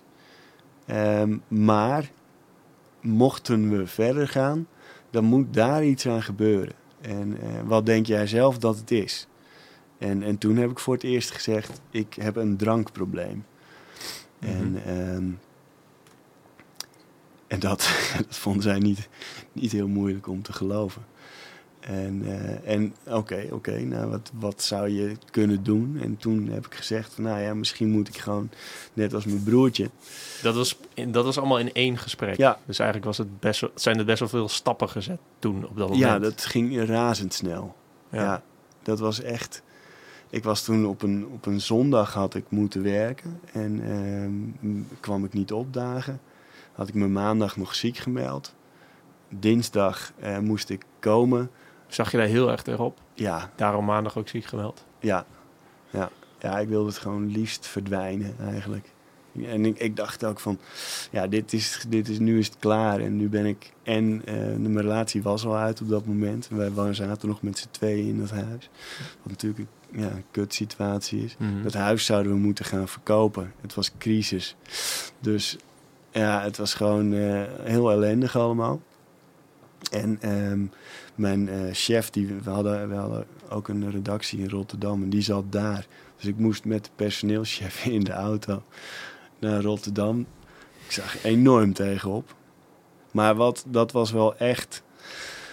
Ja, dat ik dacht van, ik kan ook... Ik, ik kan gewoon niet verder zo. En, eh, en toen zag ik ook wel van, ja, zelfs als ik wil... dan lukt het me niet om eh, niet te drinken. En als ik één of twee drankjes op heb... dan wil ik kook gebruiken. En sterker nog, ik ga het ook doen. Mhm. En uh, dus ik, ik, had toen, toen echt wel zo'n visie van ja, dit is gewoon, het is gewoon nu echt klaar. Ik, uh, ja, ik ben dus ook verslaafd. Klaar. dat, daar heb ik heel wat, ja, iets van 23 jaar bewijs voor uh, moeten verzamelen. Maar, uh, Was je toen ook blij toen je dat zei? Ja. Ik had, echt, ik, ik, had het daar gezegd. En ehm, nou ja, hè, toen, toen gaven ze te kennen van nou, ga gewoon eens kijken wat je kan doen. En daar sprak al een beetje uit van wij steunen je. Dus dat was, een, dat was natuurlijk ook gigantisch. Hoe, hoe werkt zoiets? Want als je je, je wil je laten opnemen in zo'n kliniek, Ja. ja. dat dat geld kost. Ja. Hoe eh, draag je werkgever daarbij? Als je geldproblemen hebt, hoe- is het voor iedereen mogelijk? Ehm, er zijn verschillende. Ik ging naar een eh, privékliniek. En Mhm. daar eh, betaal je een, een forse eigen bijdrage. En de- bij Solutions, waar ik was, was dat toen 5000 euro eigen bijdrage. Plus de meerkosten van het eh, naar Zuid-Afrika moeten gaan. Dus dat was 5000 euro. Voor hoe lang is dat dan? Drie maanden. Oké. En een eh, vliegticket van eh 2700 nog iets. KLM, dat kun jij eh, waarschijnlijk beter. Maar een, eh, een KLM-ticket. Even business class heen en weer gevlogen. Ja, dat, geen business Wow. class, maar, eh, maar goed. Dus het was eh, een, een, een, bijna 8000 euro eh, die je dan zelf moet meenemen. En ze vragen dan ook wel, heb je dat of kun je daaraan komen? En toen heb ik gewoon eh, gelogen dat dat, dat dat wel goed zou komen. Want ik wist helemaal niet hoe ik aan het geld moest komen. Mhm. Ik dacht alleen, ik moet zorgen dat ik in die kliniek terechtkom. Eh, enerzijds om, omdat ik gewoon hulp nodig heb. Anderzijds was het gewoon eigenlijk weer een vlucht. Mhm. Weg uit Amsterdam, weg uit de shit. En, eh, en kijk, ik, ik doe iets. En, eh, en het wordt, er wordt aan gewerkt. En ja, dus, dus ik heb gewoon gezegd dat het goed zou komen. En ze vragen dan niet om een garantie of wat dan ook. Dus ik had eh, daar op, een, op dinsdag dat gesprek in Rotterdam. Woensdag heeft mijn broertje me naar die kliniek ge- gereden voor een intakegesprek. Mhm. En toen zeiden zij van nou, we zetten alles klaar. Zodra je ons laat weten wanneer je, of je eh, kunt, eh, dan is het ook geregeld. Dus eh, ik, ik was daar op woensdag en had ik op het volgende gesprek bij Metra was op maandagochtend dat we zouden beslissen of ik kon gaan of niet. Mhm. En toen zij ja zeiden, ja, toen moest ik op dinsdagochtend me melden in, eh, eerst in, eh, op de Veluwe in de kliniek van Solutions. En op donderdagochtend vloog ik naar Zuid-Afrika. En toen Dus had je dat geld bij elkaar tak, gesprokkeld. Nee, nee, nee, die rekening die kwam pas achteraf. Ja. ja, en dus dat is je eigen bijdrage. Maar eh, een verzekeraar betaalt ook nog een, een heel fors deel. En, ehm, dus ik denk nog wel, ik denk dat die hele behandeling wel zo, zo rond de 25.000 kost. Ja. Het gros daarvan wordt dus door een verzekeraar betaald. En ik had de mazzel dat ik nam, ik kon nog een maand vakantiedagen opnemen. Die had ik nog. En twee maanden ziektewet. Mhm. En, eh, en daarbij de, het, wist ik van, en als ik terugkom heb ik gewoon nog werk.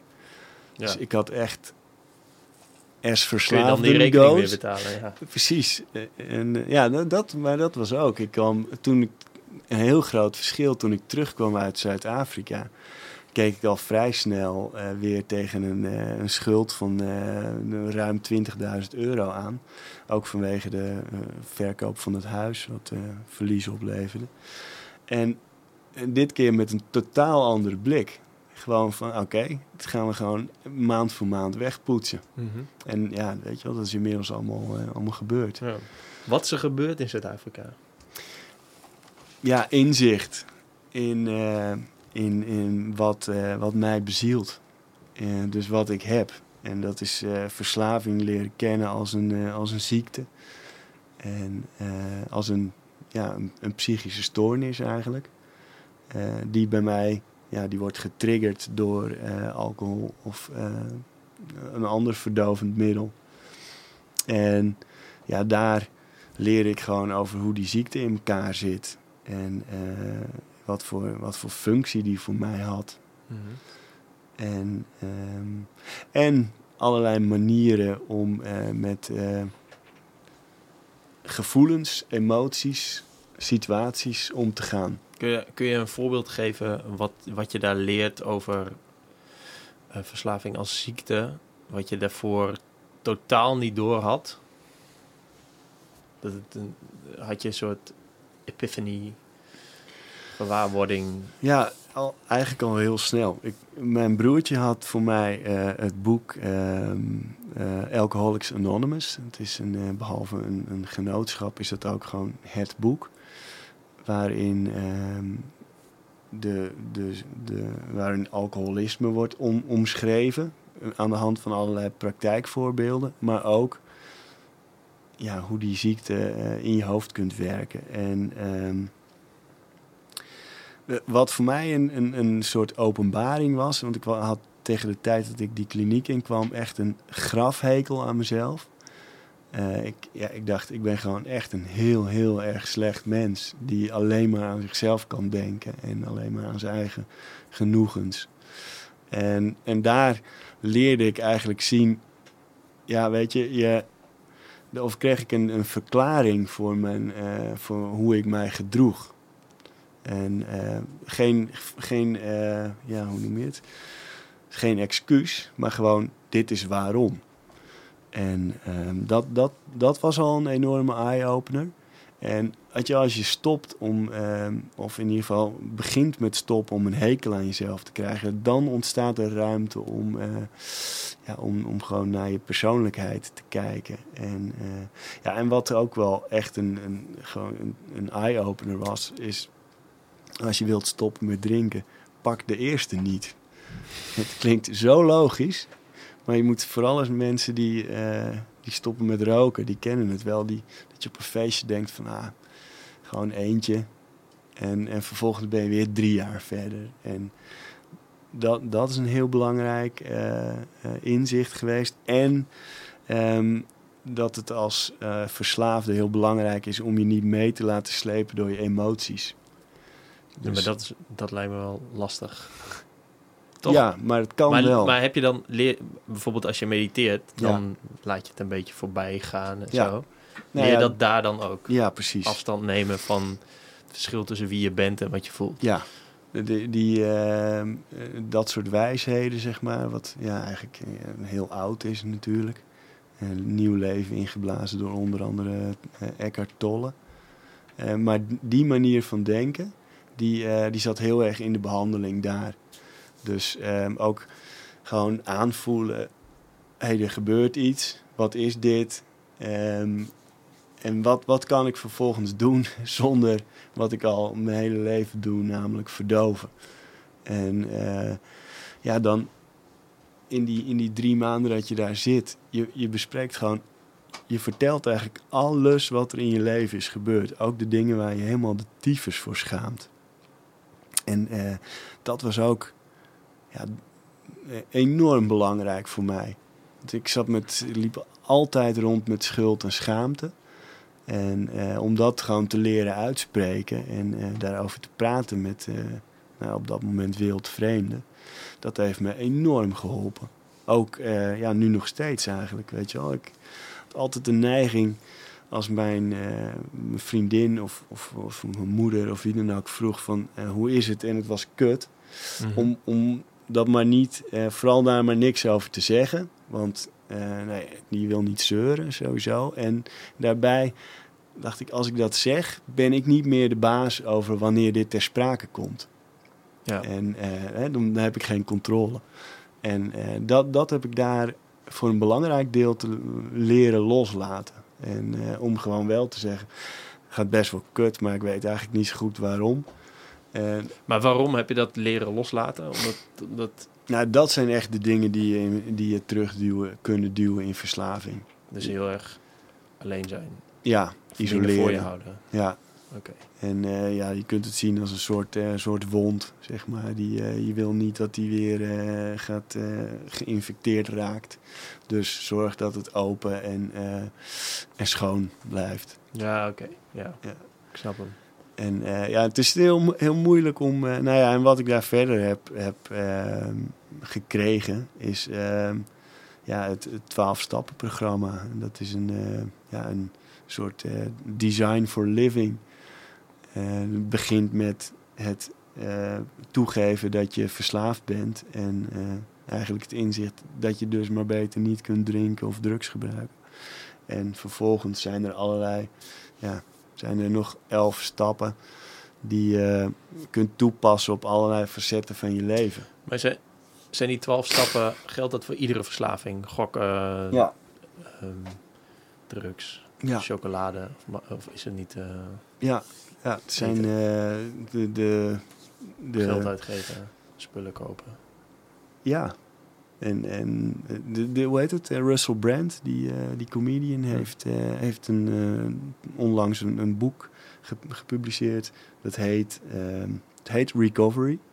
Eh, waarin hij die twaalf stappen, hij zit zelf ook in het, eh, in het programma. En hij- waarin hij die twaalf stappen eh, toepasbaar maakt op, voor iedereen eigenlijk. Dus wat heb je hier aan in onze samenleving? Hij ziet, de, hij ziet onze samenleving eigenlijk als een verslaafde samenleving. Weet je wel, of dat nou vinden, op ja. je, eh, met je mobiel is of, of wat voor eh, ja, eigenlijk dwangmatig gedrag dan ook. En gebruikt daar die twaalf stappen van hoe kun je daarmee mee dealen. En ehm, ja, sommige van die dingen, van die twaalf stappen, dat klinkt heel erg zweverig en, eh, en zijn ook spiritueel. Ehm, maar er zit heel veel eh, praktische toepasbaarheid in. En eh, ja, daar, daar heb ik nog steeds heel veel aan. En, eh, en ik ga nog steeds ook naar, naar hoe heet het, bijeenkomsten van, van AA. En, Is dat vrijwillig eigenlijk? Of hoort dat ja, erbij? ja, want er is ook geen controlerend... Ja, als je in de, in de kliniek zit, dan word je wel naar, naar de meetings gereden, zeg maar, in, in Kaapstad en omgeving. Dus dan, ja, dat is eigenlijk strookt dat ook niet met eh, hoe de eh, twaalf stappen, of tenminste hoe die het denken bij de, die clubs als AA en zo in elkaar zit. Want je Dan moet het jezelf- wil. Ja, ja. ja. Eh, maar goed, was een leuke kennismaking. En voor de rest zijn die genootschappen, dus of het nou Overeaters Anonymous of Gamblers Anonymous, je hebt er heel veel. Die zijn allemaal eh, ja, voor verslaafden door verslaafden. Ze mogen ook geen, eh, geen, geen giften aannemen van een gemeente of van een, een verslavingsinstelling. Het is gewoon echt een, ja, van ons.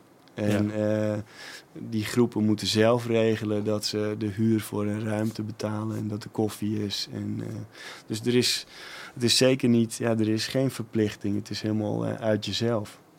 En ja, de twaalfde stap is dat je ehm, eh, het doorgeeft aan de volgende. Dus in die zin is het ook goed dat je blijft komen, omdat er ook weer nieuwe mensen binnenkomen die, eh, ja, die wel wat eh, nou, hulp kunnen gebruiken of ehm, ja, advies. Hmm. En dan hebben we het nog, nog niet eens over hardlopen gehad nu. Nee, kun je nagaan. Eigenlijk heeft hardlopen niks mee te maken, of wel? Met Eh, van je je verslaving afkomen. Ja, nou ja, weet je, eh, om, om van mijn verslaving af te komen moest ik gewoon alles veranderen in mijn leven. En ehm, eh, dingen heel anders doen. En daarmee heeft het hardlopen heel veel eh, geholpen. Om, eh, omdat ik eh, ineens wel doelen ging stellen. En, ehm, en iets had gevonden waarin ik eh, discipline kon leren. Om, eh, en om, ook om iets te doen als je er misschien even niet zo'n zin in hebt. En, En er zijn geen shortcuts. nee, Nou, die zijn er wel. dan loop je minder. ja, precies. Nee, maar om goed te worden in hardlopen, ja, je zult toch niet meters moeten Ja, je Is moet dat gewoon het? gaan. Ja. ja, en dat is het. En wat een heel belangrijk, eh, voor mij heel belangrijk gegeven is, is en wat ik je vanochtend vertelde, hè, van dat binnenblijven, gordijnen dicht, isoleren. Nou, voor mij 100% tegenovergestelde daarvan is de daad van optimisme die hardlopen is. Namelijk je schoenen aantrekken en naar buiten. Mhm. En ehm, dus dat, ja, dat is, eh, dat is bijna een symbolische handeling. Naar buiten, in beweging. Ja, En, iets gezonds doen. be- ja, inderdaad. Beter worden, ja. Ja. Ja. In plaats van op de bank zitten, slechter worden met gordijnen. Ja, precies. Chardonnay drinken. Want Ja. ik was natuurlijk niet zomaar een alcoholist. Unwooded. Maar eh, eh, je zit in die kliniek en je, je mag tussen zes en zeven 's ochtends eh, een uurtje naar buiten. Ja. Waarom zo vroeg? En waarom maar een uurtje? Ehm, zo vroeg omdat het dagprogramma om half acht begon. En dat was gewoon de hele dag gewoon vol. Ja, ging dat door. Ja, had wel pauzes tussendoor. Maar hoe zie- ziet wel- zo'n zo'n kliniek eruit? Is het een grote villa of, of eh, lijkt het op een gevangenis? Of is het iets ertussenin? Ik zat in, eh, in, in, in, op twee locaties heb gezeten. De eerste maand was in een, eh, dat was een voormalig hotel. Oké. En eh, echt de vergaande glorie tot en met. Eh, dus met een eh, grote, of grote eh, ja, lounge-achtig, huiskamer-idee. Grote eetzaal. En dan met een trap naar boven waar je kamers van verschillende grootte had. Dus je sliep altijd met mensen op de kamer. En ehm, ja, en in een, in een heel een plaatsje Kommetje zat ik. In, ja, vlakbij Kaapstad. Dus aan de kust. Heel mooi. Eh, dus dat, dat was de eerste plek. Dat was echt nou, groot. Er konden iets van, eh, van tussen de 30 en 40 mensen eh, zitten. En die tweede locatie waar ik zat, waar ik de tweede en derde maand ben geweest, dat is de Beach House. En dat was inderdaad meer een soort, soort villa voor eh, maximaal 15 mensen, geloof ik. En ja, allemaal veel kleinschaliger.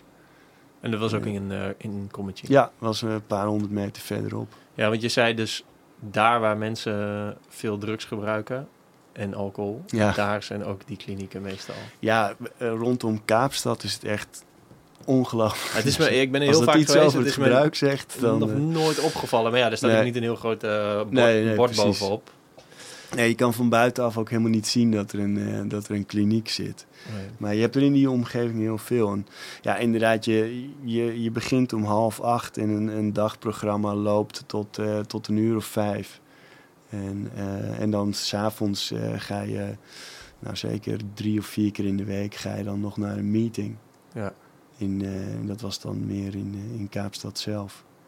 En ja, en dus, dus tussen zes en zeven had je even de tijd om, om iets te doen. En je kon dan naar buiten gaan. En ehm, sommige mensen gingen even een wandelingetje, liepen naar het strand. En ja, ik, ik zag dat mensen eh, hard liepen. En ik dacht van ja, dat, dat moet ik ook doen. Ja, maar ik, in, bij Peter zei je dat, dat mensen... eh, ik, ze kwamen terug met een soort van energie Ja. over zich heen. Ja, ja vooral die, eh, dat, dat groepje dat dan had gelopen, of dat waren het drie of zo.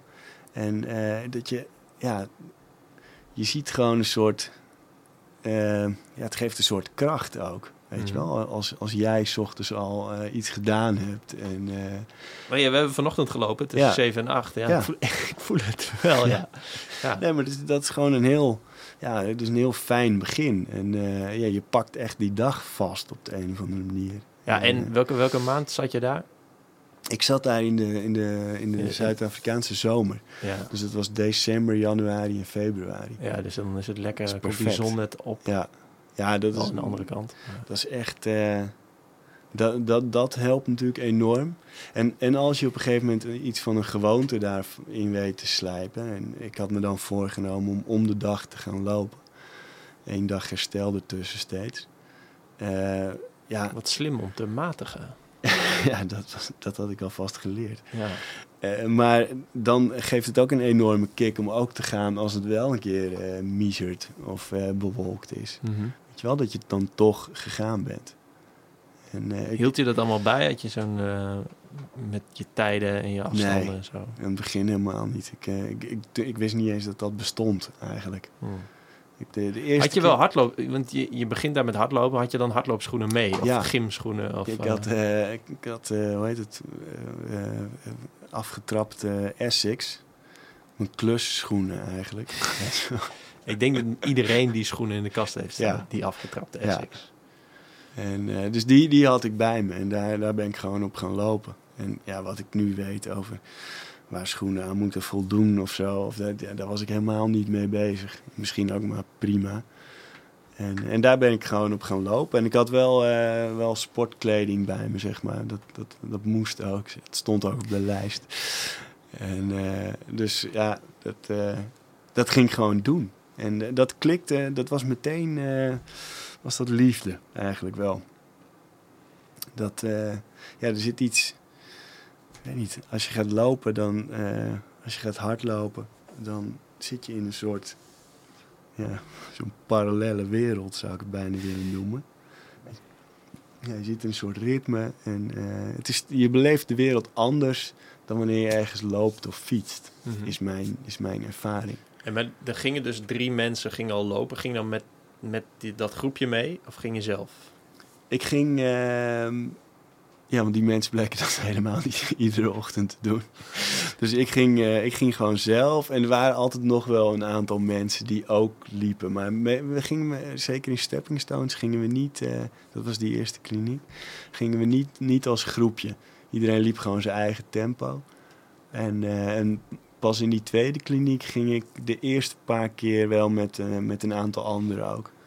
Alleen, ja, het bleek dat niet iedereen hield het vol. En ik, ik vond ook, als we zeiden dat we dan om, eh, om kwart voor zes zouden vertrekken... en ik stond er om tien voor zes nog, vond ik het ook irritant. Eh, dus op een gegeven moment was ik gewoon alleen over. En, eh, en dat beviel me eigenlijk ook wel prima. En je bent er dus drie maanden geweest. Ja. Is het... ehm, is het in die drie maanden... Ja, je, je verslaving is helemaal over. Nou ja, die verslaving is er eigenlijk nog. Maar, maar ja, is dat... Is dat Hij is een alleen vraag? niet actief. Dus het is tenminste... Maar is het hardlopen dan niet... Je, je vindt zelf wel niet dat dat je nieuwe verslaving is? Ja, kijk, de, de, de definitie die, die ik voor, voor verslaving heb, of in ieder geval de symptomen daarvan. Dus dat je eh, hè, ergens aan begint en er niet meer mee op kan houden. Ehm, ja, als ik ochtends, zoals vanochtend heb gelopen, dan heb ik niet de neiging om vanmiddag weer te gaan, bijvoorbeeld. Nee. En, en daarbij, eh, verslaving hangt voor mij ook heel erg eh, samen met, met extreem negatieve gevolgen. Weet je wel? Eh, dus geld op, opmaken wat je eigenlijk aan iets anders uit moet, moet geven. Ehm, ehm, verantwoordelijkheden niet nakomen, liegen. Dat zit hier allemaal niet echt in. dat zit hier allemaal niet in.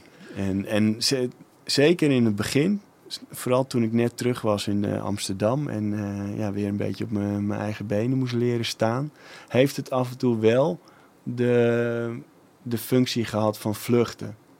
Mhm. Dus ehm, hè, dan bedacht ik van nou, wat moet ik allemaal nog regelen. En ik, ik, had, eh, ik, moest, ik moest nog naar de rechtbank vanwege de dronken rijden. En waar haal ik, hoe ga ik al die schulden aflossen.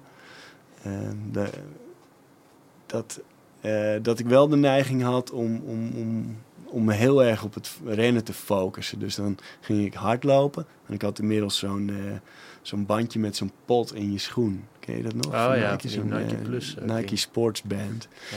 En weet je wel, dan nou, meteen dat bekijken allemaal. En op internet dingen opzoeken over het hardlopen. Filmpjes kijken, trainingsvideo's. Dus echt daarin eh, in, in duiken.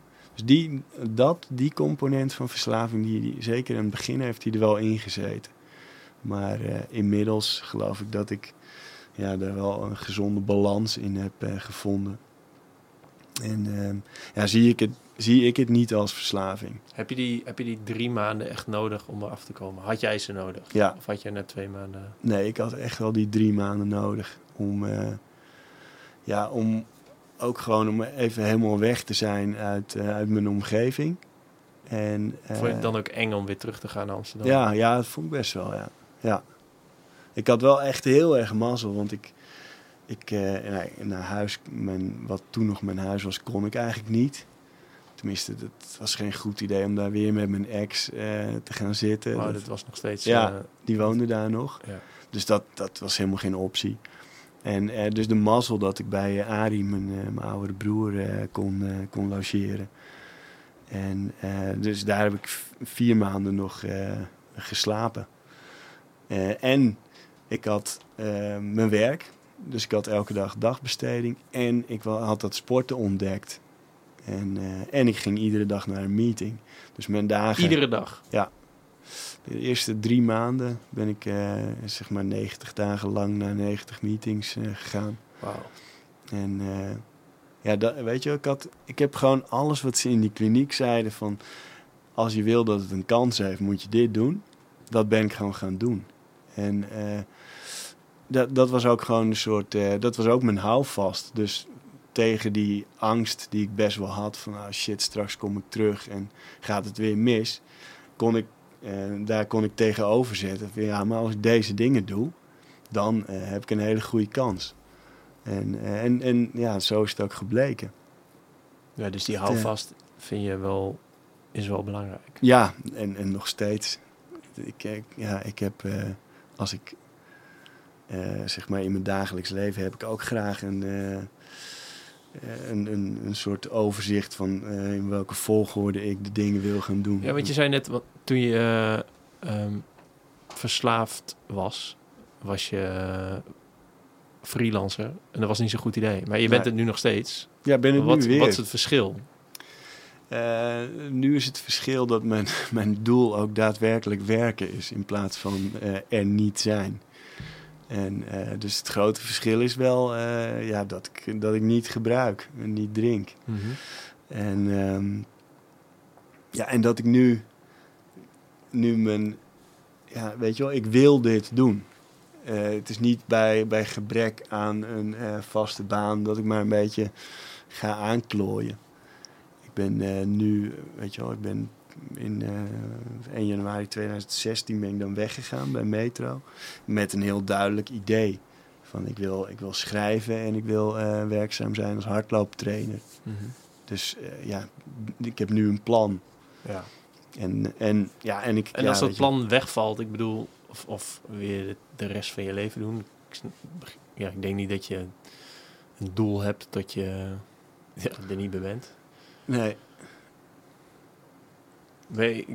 Denk je dat, als er een tegenslag komt, dat je daarmee om kan gaan? ja, ja nee, dat geloof ik echt wel. Ik, inmiddels is de, zeg maar het, het, het, eh, ja, de eh, fundering onder, eh, onder mijn leven, die is wel zo stevig dat ik, dat ik ni- niet bang ben dat er, dat er een tegenslag Maar komt. waar bestaat die fundering uit? De kennis die je hebt opgedaan, vrouw, kind, Ook, familie, maar werk. Het belangrijkste, mijn, mijn herstel. Dus het 12-stappen-programma. Ja. Ik weet gewoon altijd... Is dat, een poster bij je thuis aan de muur? Of eh, heb je dat ergens Eh, staan? Nee ik, nee, nee, ik ken ze uit mijn hoofd, dat wel. En ik heb, eh, ik heb wel boeken in de kast staan. Maar het is vooral ehm, het feit dat ik eh, twee keer in de week naar zo'n meeting ga. Eh, ik heb een aantal sponsees. Dus dat zijn mensen die na mij in het programma zijn gekomen. Die, eh, die mij af en toe bellen om, eh, nou, of om af te spreken of dingen te bespreken.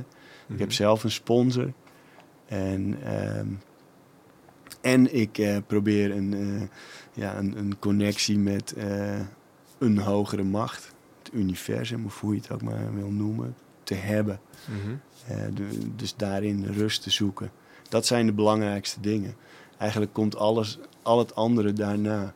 Als ik dat niet heb, dan is inderdaad het risico dat ik eh, weer, weer afdrijf richting eh, verslaving.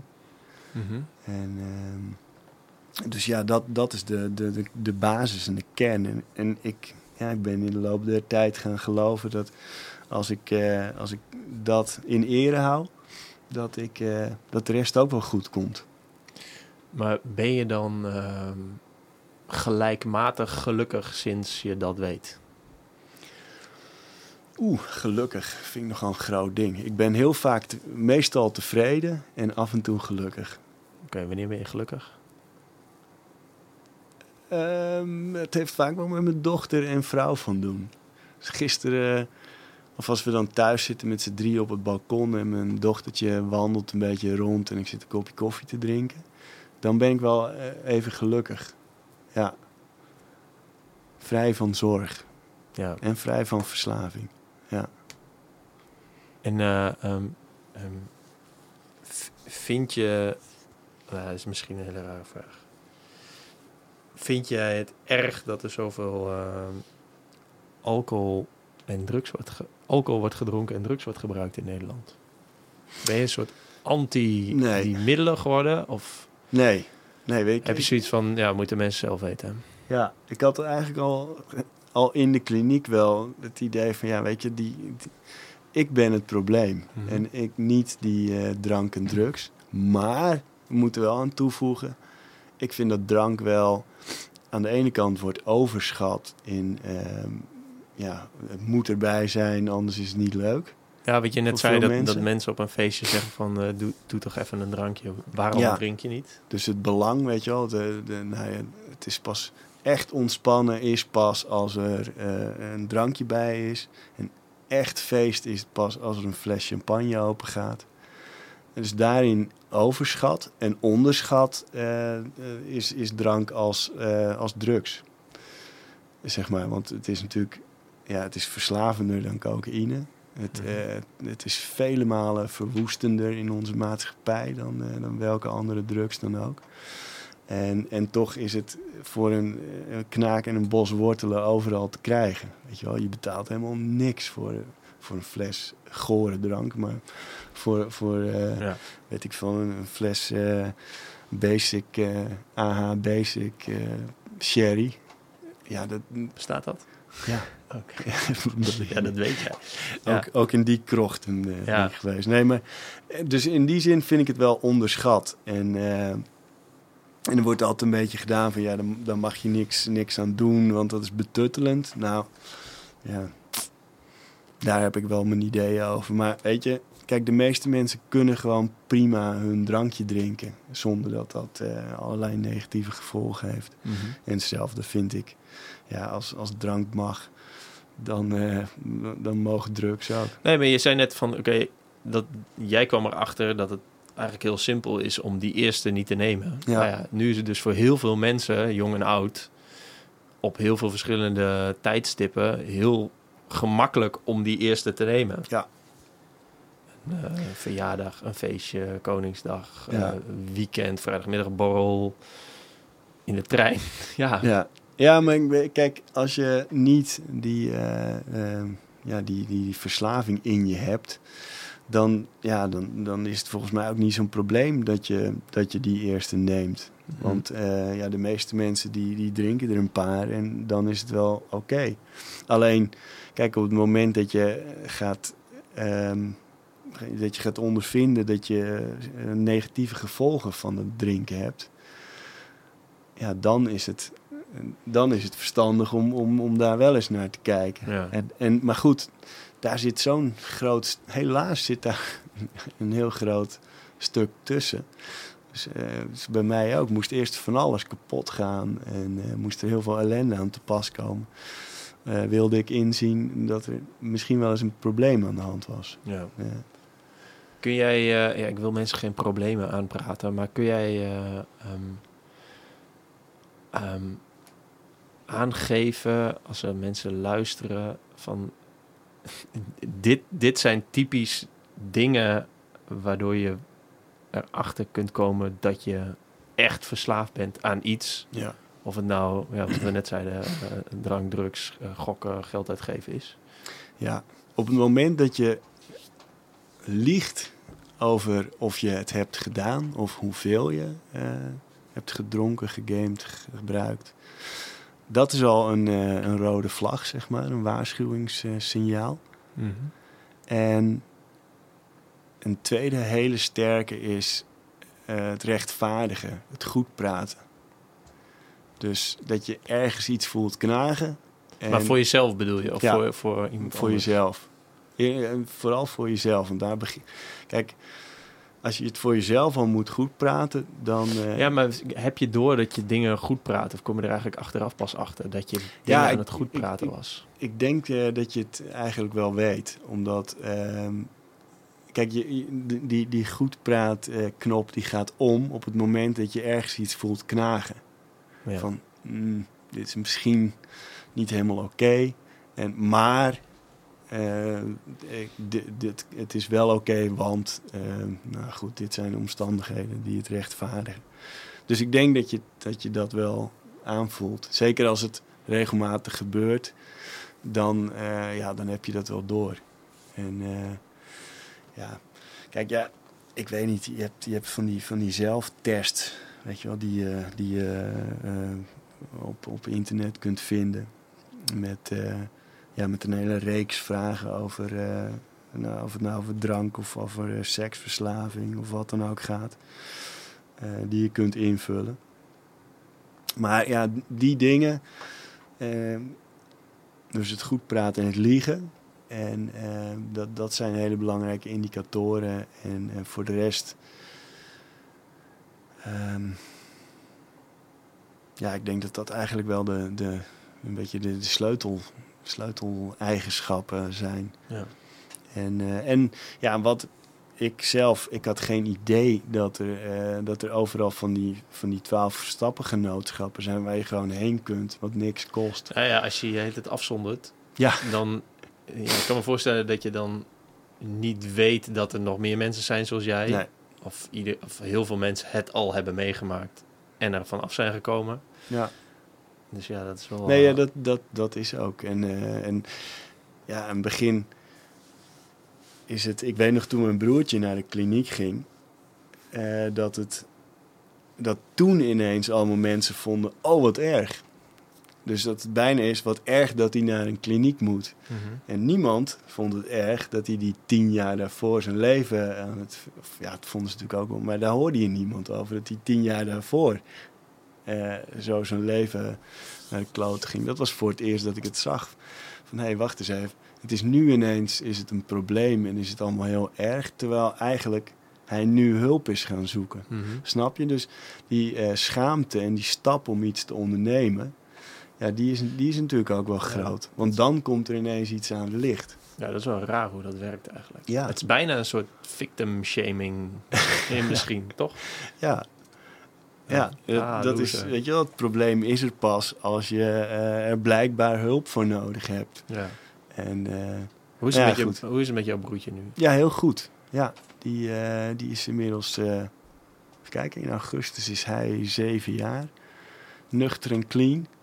En eh, hij heeft weer goed contact met zijn eh, ex-vrouw. En eh, daar, daarmee ook, eh, ja, Hij- zijn- hij zijn woont kinderen weer ziet hij elke dag. En nog steeds in Egypte, toch? Ja, ja hij is toen eh, in die periode is iets van een half jaar of negen maanden of zo is hij in Nederland eh, ge- geweest en gebleven. En, eh, en toen weer eh, terug. En hij werkte eh, eh, als, als duikinstructeur en hij heeft met een paar anderen een, eh, een onderneming in eh, desert hikes. Ze gaan elke dag. eh, Ja, Arie zei al tegen mij dat als ik naar Egypte ging, dan moest ik zijn... eh, volgens mij heb ik het nummer van je broertje Ja. gekregen. Ja, ja, daar- eh, daar- daar kun je heel makkelijk bij aankloppen. Ja, ja. dat is mooi. Hey, we zijn een uur en drie kwartier aan het praten. Maar ik wil nog wel eventjes ja. over je boek hebben. Ja. Sowieso gewoon los van de inhoud. Het boek heet Ren voor je leven. En het gaat over ja, hoe hardlopen eigenlijk een beetje heeft ge- geholpen met het niet meer verslaafd zijn. Maar eigenlijk gaat het over die verslaving, toch? Hoe Ja. gaat, hoe, g- wanneer heb je bedacht dat je er een boek over ging schrijven, wilde schrijven? Kwam dat pas nadat jij eh, in die kliniek erachter komt wat het doel in je leven is? Namelijk Ja. schrijven, wat je net zei. Of was het daarvoor al? Nee, wel, wel, wel meer daarna. En toen ik in die kliniek zat, en ik, eh, je, je maakt nogal wat mee en je hoort nogal wat verhalen daar. Toen dacht ik van, oh, dit zou ook wel een, eh, een, een boek zijn. En, maar toen ging ik me realiseren, ja, maar ik ben ook een van die mensen. Weet je wel, ik, ik zit nu net te doen alsof ik hier naar een freakshow zit te kijken, maar ik ben ook de freak. En eh, dus dat idee, dat eh, raakte eerst wat verder weg. En eh, eigenlijk pas, ik ging toen samen met eh Arie hebben we dat boek Beweeg eh, gemaakt. Ja. En eh, toen hadden we ook het idee, misschien is het leuk om van daaruit eh, gewoon een boek te maken dat Ren heet. Mhm. Eh, en, en hij wilde nog, nog, nog andere boeken ook over eh, gezond eten, weet ik veel. Ehm, dus een eerste idee was om een, een, een hardloopboek te maken, eigenlijk. Dus nog niet eens zozeer zo persoonlijk. Maar ja, hoe meer ik daarmee bezig was, hoe ja, meer ik dacht, het, als ik het over hardlopen heb, dan, ehm, ja, dan slaat het eigenlijk nergens op als ik het niet ook over verslaving heb. Weet je wel, want hoe ben ik begonnen? In de kliniek. Waarom zat ik in die kliniek? Ja, en, en dus toen... Ja, dat, dat ik een keer een boek over ehm, het lopen en verslaving zou maken, dat, ja, dat zat er eigenlijk wel... Ja, dat is wat ik doe. Ja. Ik, ik beleef dingen en dan schrijf ik ze op. En, eh, en, en maar goed, het, ja, het, het idee voor dit boek kwam eigenlijk voort uit een, uit een ander boekidee. Het is echt een hardloopboek te maken. En was het, had, je, had je dit idee zelf en ging je langs uitgevers? Kwam er een uitgever bij jou die... Of, of ging het op een andere manier? Nee, ik, eh, ik, ik kwam in contact met een, eh, een hoe heet het, een, een soort agency die ehm, eh, boek, boekplannen, boekideeën ehm, onder de aandacht brengen van uitgevers. Mhm. Die doen dat be- be- bedrijfsmatig. En eh, daar, met die mensen heb ik toen eens gepraat. En die, zei, die zagen daar zeker wel eh, een boek in, een brood in. En eh, die hebben het toen meegenomen naar, eh, naar zo'n boekenbeurs. En een aantal uitgevers laten lezen. En er waren er twee die waren zeer geïnteresseerd. En, en dus ik had ja, een hele mooie uitgangspositie. Namelijk dat er al een uitgever was die het wilde doen. En, eh, en ik kon, eh, kon gaan schrijven. En, Dus en is hoe ging het schrijfproces? aan het begin heel makkelijk. Heb je daar veel hulp bij gehad van, zo'n, eh, van die uitgever? Nee, ik heb dat helemaal ik heb dat in mijn eentje gedaan. Ik heb gewoon eh, de eerste helft geschreven, opgestuurd. Toen duurde het heel lang voordat ik iets hoorde. Het duurde echt drie dagen dat het volledig stil was. Dat ik echt dacht, oh shit, ik heb echt een enorme lading bagger geschreven. Dat is dan ook weer typisch, maar goed. Volgens Eh, mij heeft iedere schrijver dat. Ja, Met ja, zo'n, met zo'n concept. ja. Van, Ja. Maar goed, toen, en die, ja, ze waren toen juist heel erg ehm, eh, enthousiast.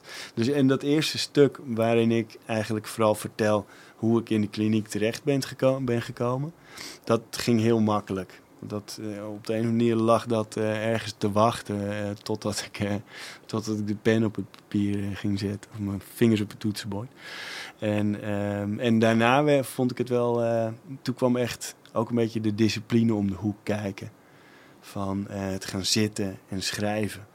En eh, ik geloof dat ik het met jou daar wel eerder over gehad heb. Dat zo'n valkuil van het schrijven is dat je gaat zitten wachten op inspiratie. ja.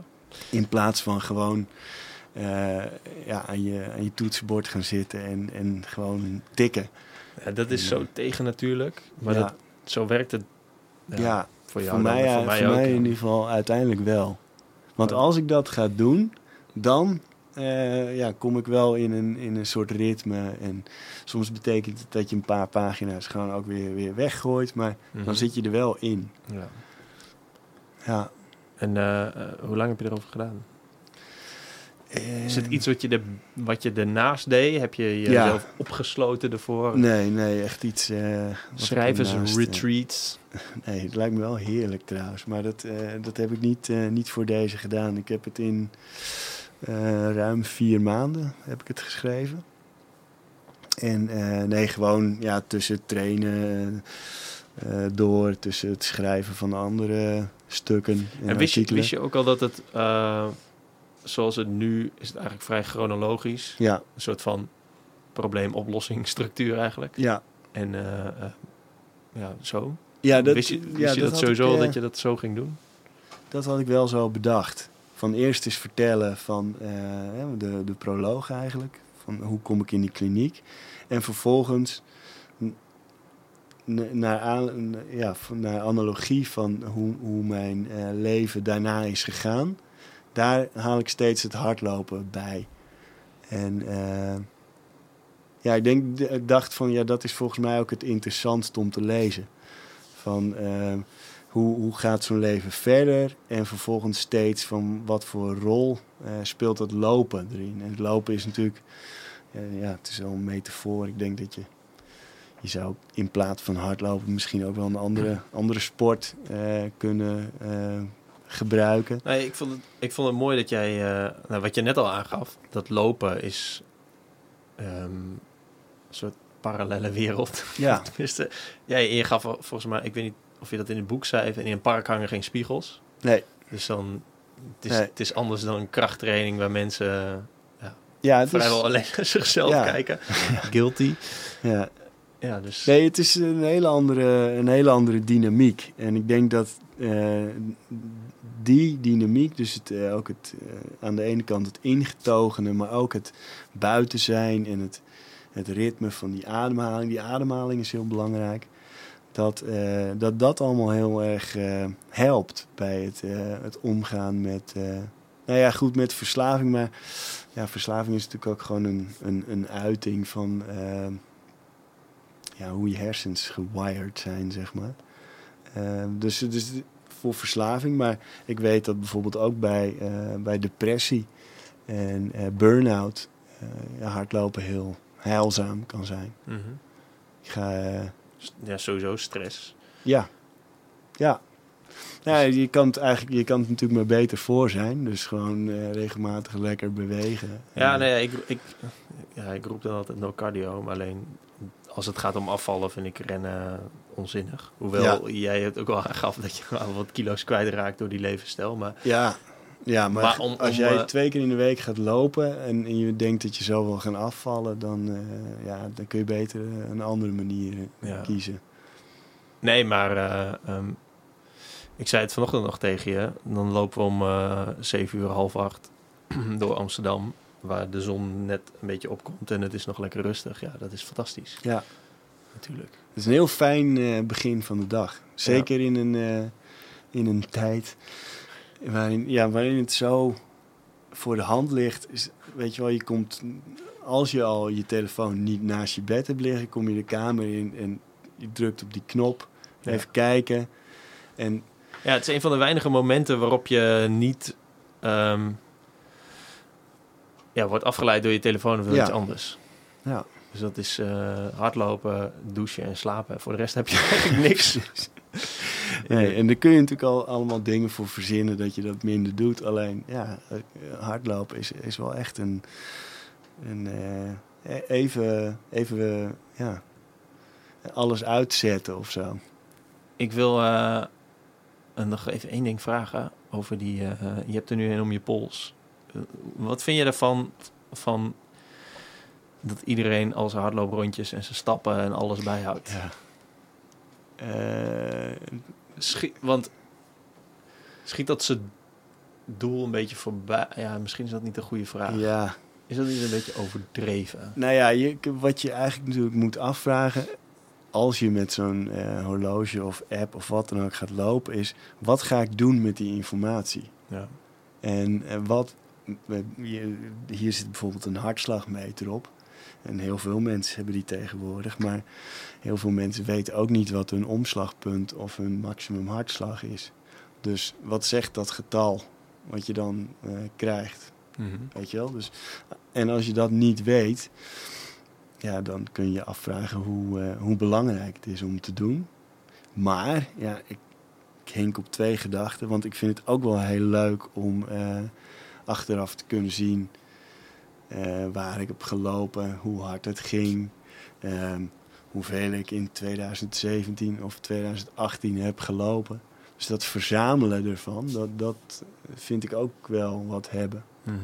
Maar, Ja, ik kan me voorstellen dat als je ergens voor traint en je wil Ja. een specifiek doel bereiken. Ja, nee, dan, dan heeft helpt. het z- zeker zijn functie. Maar ik zou sowieso iedereen aanraden om eh, gewoon af en toe eens zonder iets te lopen. Dus geen horloge, geen muziek. En gewoon lekker op gevoel eh, gewoon een rondje te maken. Dat doe ik zelf af en toe ook wel eens.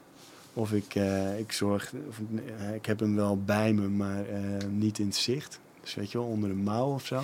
En spreek ik me met mezelf af dat ik er niet op kijk. Mhm. En, en, dan, en dan gewoon eens gaan lopen. En dan kun je bijvoorbeeld ook eens onderzoeken of wat jij voelt, hoe het ging. Of dat overeenkomt met wat je hor- horloge aangeeft. Ja, het lijkt, ja. Het is wel handiger om je... de- Met die gedachte zit ik dus er een beetje in. Volgens mij is het handiger om jezelf te kennen dan de informatie over te laten aan een bandje. Ja. Net zoals, net zoals als mensen gaan wandelen en een, een stappenteller meenemen. En dan denk ik, ja, ga gewoon lekker wandelen, dat is chill. En hoezo zou je je stappen moeten Ja. tellen? Maar anders kom ik niet aan de 10.000 op een Ja. dag. Nee, ja, dat- kijk, dat we doorslaan in het, eh, in het hele meten, dat, ja, tenminste, dat vind ik wel een beetje. Hoe maak jij die. Straks ga je schema's maken. Ja. Zeg, je, zeg je dan, eh, zit je dan erbij eh, hartslag zoveel? Of Nee, dit, dit, dit worden veel, hoe noem je dat? Veel ruimere schema's. Die ene groep, dat is een groep van 25 mensen waar de niveaus zo uit elkaar liggen. Mhm. Dus daar is een schema eigenlijk meer een soort richtlijn van eh, eh, dit gaat dan om de dam tot dam. Hoe kun je geleidelijk opbouwen in kilometers naar die dam tot dam? Mhm. En voor de rest, dat zijn, is twee of drie keer lopen per week. Er is één keer dat we gezamenlijk trainen. Daar doen we iets aan snelheid. En die andere is gewoon, eh, ja, probeer ik ze bij te brengen wat eh, rustig lopen is. Mhm. Eh, dus dat is heel, dat is wat, wat breder. Voor die groep die ik naar de marathons ga, gaan begeleiden, komt het iets, iets specifieker. Maar nog steeds niet op hartslag. Want als je op hartslag wilt trainen, dan zul je eerst een test moeten doen. ehm, liefst bij een eh, sportmedisch eh, bureau. Dat je gewoon echt precies weet wat je maximum hartslag is. En vanaf daar kun je dan terugrekenen. Wat Precies, en dan kun je in zones gaan trainen. En, Ja. eh, en dit, is, dit is vaak, ik begin met een, met een schema gebaseerd op de tijd die zij willen gaan lopen tijdens die marathon. Maar en- bepalen zij dat dan zelf? Ja, aan de hand van eh eerder gelopen races. Dus eh, bijvoorbeeld een marathon of een halve marathon die ze hebben gelopen. En eh, in het traject is het, ja, er ligt zeer voor de hand dat we dan nog eens gaan sleutelen aan die tijden. Misschien zijn ze te voorzichtig geweest, en, eh, maar vaak misschien iets te ambitieus en laten we dat iets, iets aanpassen. Oké. Ja. Ehm, precies twee uur. Wil je nog iets kwijt? Super mooi. Ik, ik vond het een heel leuk, eh, heel leuk gesprek. Ik ben, ik, podcast is iets wat ik de laatste anderhalf jaar of zo pas heb ontdekt. Ja, ik ook. Ik, en Ja. ik, ik luister er heel graag naar. Ik vind het, eh, dat is misschien ook wel weer een- dat je verder ook, het is vrij prikkelloos. Het is, ja, maar het, het is de, het antwoord op de smartphone-wereld. Ja, Het is gewoon lekker lang. Het is, ja, ik moet, als ik, tegen wie zei ik het gisteren nou? Ik, eh, eh, tegen de kapper. ik zei, eh, ik ga met Klaas Boomsma podcasten. Ga je op Klaas Boomsma oppassen? Nee, podcasten. Oh, maar wat is podcasten? En toen Ja. legde ik het dus uit als een, een radioprogramma wat niet live is. Maar dat is het ook niet, want ja, we kunnen nu, ja, als we nog een uur willen lullen, dan Ja. kan het ook gewoon. En, ja, Ja, maar die, dat zeg maar het gebrek aan haast. Ik denk dat dat wel haast is een verslaving aan tijd. Precies. Nee, maar dat geeft vaak die eh, gesprekken die je in een podcast hebt of hoort. Eh, ja, het is heel, helemaal niet van deze tijd, zeg maar. Nee. Er zit niet die, die constante druk achter. Ik denk dat daarom heel lekker is om eh, Maar het is- te luisteren. Het is zelfs...